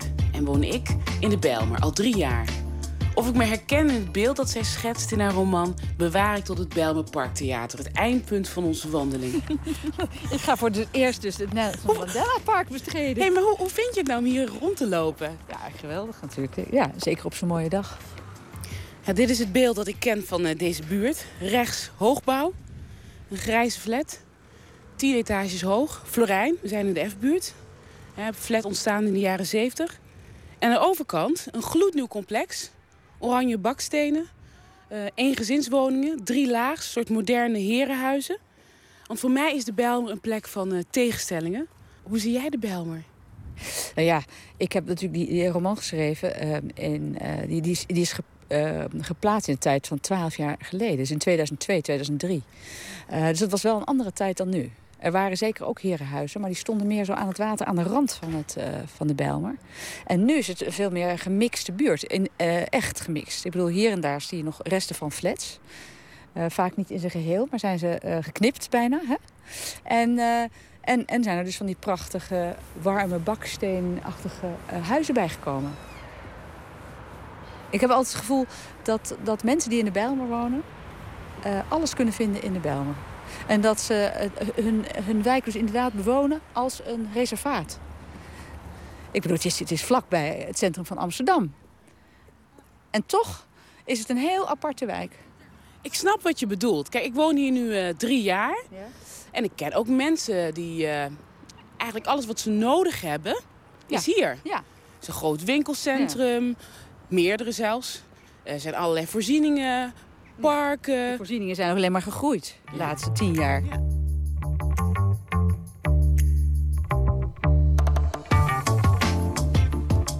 Het is echt een buitenwijk geworden. Wat ik, wat ik echt wel heel mooi vind en wat gelukkig ook goed gelukt is, is die mix. Dat, dat je nog overal die oude flatgebouwen ziet. Dat, dat, daar word ik altijd blij van, want dat is wat ik nog herken. Voor mij is het een wijk van tegenstellingen. Van rustgevende natuur in de Bijlmerweide of het Mandela Park... tot mensenmassa's bij een Beyoncé-concert in Ziggo Dome. Van het anonieme stadse tot dorps elkaar goed op straat. Van hoogbouwflats tot moderne En herenhuizen. de grootste evenementen van Nederland worden hier georganiseerd. Dus het is wel... Het, is, het, is, het is heel vreemd. Terwijl je hier ook echt inderdaad verlaten eh, door een stuk natuur kunt slenteren. Dat zie je niet in de krantenkop. Je ziet dan nooit Nee, staan nee, van... nee, eh. Pharrell die komt naar de Bijlmer. nee. Terwijl het wel zo is. Ja, ja. Hey, maar je vertelde net hè, over, die, eh, over je boek dat je het zo moeilijk vond om, om de Bijlmer te typeren. Ja, ja. nou zonder in, in clichés te, te... Wat zijn dan de clichés? Nou ja, goed, eh, de, de, de misdaad natuurlijk. Dat is wat er in de kranten staat altijd. Wat, zo kent het, heel Nederland de Bijlmer. Altijd problemen. Ik heb hier ook s'avonds gefietst. Eh, Ik heb me hier nooit onveilig gevoeld, nee. Ja, we zijn nu in eh, de Vogeltjeswijk, lopen we rond. Dag Ja. heren. En eh, voor ons het Bijlmer Parktheater. Want het Bijlmer is ook muziek. We kennen natuurlijk allemaal Ziggo Dome en Arena, maar ook theater. Ken jij het, ken jij het eh, Ja, ik theater? weet dat er wel veel. Ik weet wat, meestal wel wat er ge- geprogrammeerd wordt. Ben je er wel eens geweest? Nog nooit. Nee, nee, jammer. Maar ik ga volgende week dinsdag ehm, erheen. Want dan wordt mijn eh, boek gepresenteerd in de, bij het Bijlmer Parktheater. Jouw boek wordt daar gepresenteerd? Ja, bij de Bijlmer Boeks. Oh, bij, bij, bij Christine Otten? Ja, bij Christine Otten. Ja, dat is leuk. Je bent nog nooit daar geweest? Nee, ik ben er nog nooit geweest. Zullen we Ja. even een kijkje gaan nemen? Hartstikke goed. Voor mij is het echt, ik vind het zo lekker dat ik kan lopen naar mijn theater. Ja, dat is, Dat is echt thuiskomen voor mij. Ja, dat snap ik, ja. ja. Ja, je bent eigenlijk een dorpsbewoner toch in de, in de Bijlmer. Dat is het misschien. Dat je een dorpsbewoner bent terwijl je de volledige stadscultuur tot je beschikking hebt. Zou dat het zijn? Dat je Ja, het hier dat, dat, dat, is het, dat is het denk ik, ja. De deur staat al open. Geweldig. Dit is de theaterzaal. Allemaal goed, oranje ja. stoeltjes. Ja, mooi. Kunnen volgens mij iets van eh, 300 mensen hierin. Nou, geweldig. Dus hier ga jij je boek Ja, presenteren. hier ga ik mijn boek presenteren. Ik ben heel benieuwd. Ja. En kijk, en hier komen we nu binnen in de foyer. En het kijkt uit over het water. Zullen we even gaan zitten? Ja. Hoe lang ben je dan al weg uit de Bijlmer? Ik ben nu, eh, ik denk vijf jaar. Vijf jaar ben ik weg, ja. Jeffrey Spalburg, comedian, theatermaker. Wat is, wat is eigenlijk jouw beeld van de Bijlmer? Nou, mijn Belmer heeft, eh, heeft een hele warme, eh, familiaire, rustige sfeer. Dat is mijn Belmer. Want jij woonde hier en nu niet meer. Nee, en ik heb best wel spijt dat ik weg ben gegaan. Dat was ook eigenlijk helemaal de bedoeling niet. Maar ja, ik ehm, ben nu wel op een punt dat ik denk, ik wil weer terug. Maar waarom ben je weer terug? Eh, mijn fase in mijn leven. ik heb, ik heb eh, denk ik meer behoefte aan rust. Ik ben vader geworden. Ik zie het hier wel zitten hoor, met die kleine. Ja, rust, maar ook drukte. Drukte, ja, als je wil. Ru- drukte. En het is eh warm. Arm en rijk. Arm en rijk vind je hier ook naast elkaar. Nou, kom eens langs. Daar, daar begin ik meestal mee. Want mensen hebben altijd zoiets van... eh, oh nee, Belmer, het is eng, het is ver, het is eh, hoogbouw. En dat is, ja, dat, dat, dat is het clichébeeld. Maar eh, misschien moet je gaan rondleiden hier. Ik denk dat dat een hele goede is. Dat je mensen meeneemt op sleeptouw. Ik denk dat dat heel goed zou zijn. Het was de ultieme toets met jou te spreken. Ja. Ik heb het boek gelezen en eh, ik herken heel veel. Hè. Kwakkel komt erin voor. Alle nationaliteiten die hier wonen. Je beschrijft ook de, de flats die ik dan ken. Want toen mijn tante hier woonde. Want ik woon hier natuurlijk pas een paar jaar. Dus het is wel heel herkenbaar. Het is ook een, heel, ja, het is ook een tragedie. Hè? Ja. Dat dan wel weer. ik heb geen dingen gelezen waarvan ik denk van dit is niet de Belmer die ik ken. Maar er zijn ook een heleboel andere beelden van de Belmer. En die zie ik weer niet in het boek terugkomen. Maar je moet ook kiezen, lijkt mij. Toch? Ja, zeker. zeker. Maar eh, eh, het, het boek speelt natuurlijk wel 12 tot 14 jaar geleden. En toen was er echt nog een andere Bijlmer dan nu.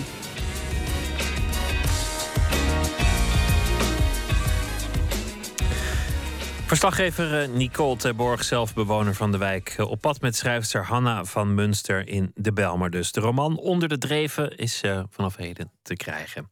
We gaan luisteren naar de band Moss met het nummer Slower End. I wanna wake up and find I don't wanna be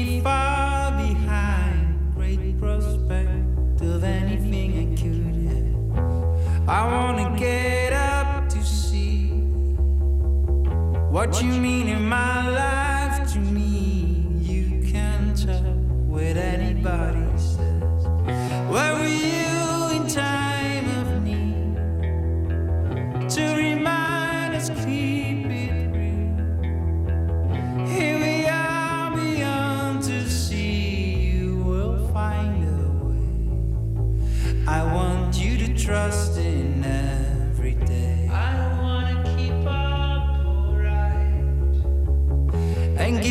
myself appetite, drifting back to everything that we had. One night in New York seemed found a keeper. You have to see it, drifting back to everything we had. Where were you in time of need? To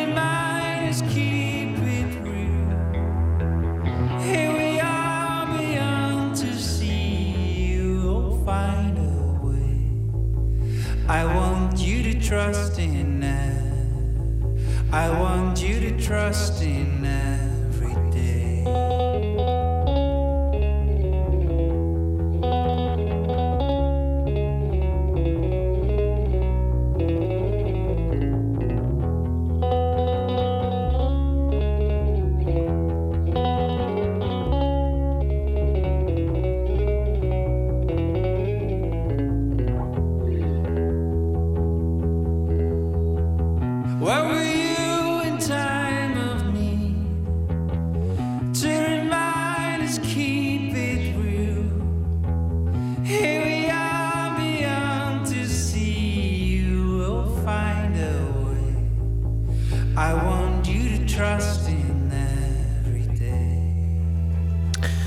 Was dat Slower End. Eh, komend weekende treden ze op in Zwolle, Bergen op Zoom en in eh, nog wat eh, plekken. En morgen in Nooit meer slapen modeontwerper Hans Humming. Voor nu een hele goede nacht. Op Radio 1, het nieuws van alle kanten.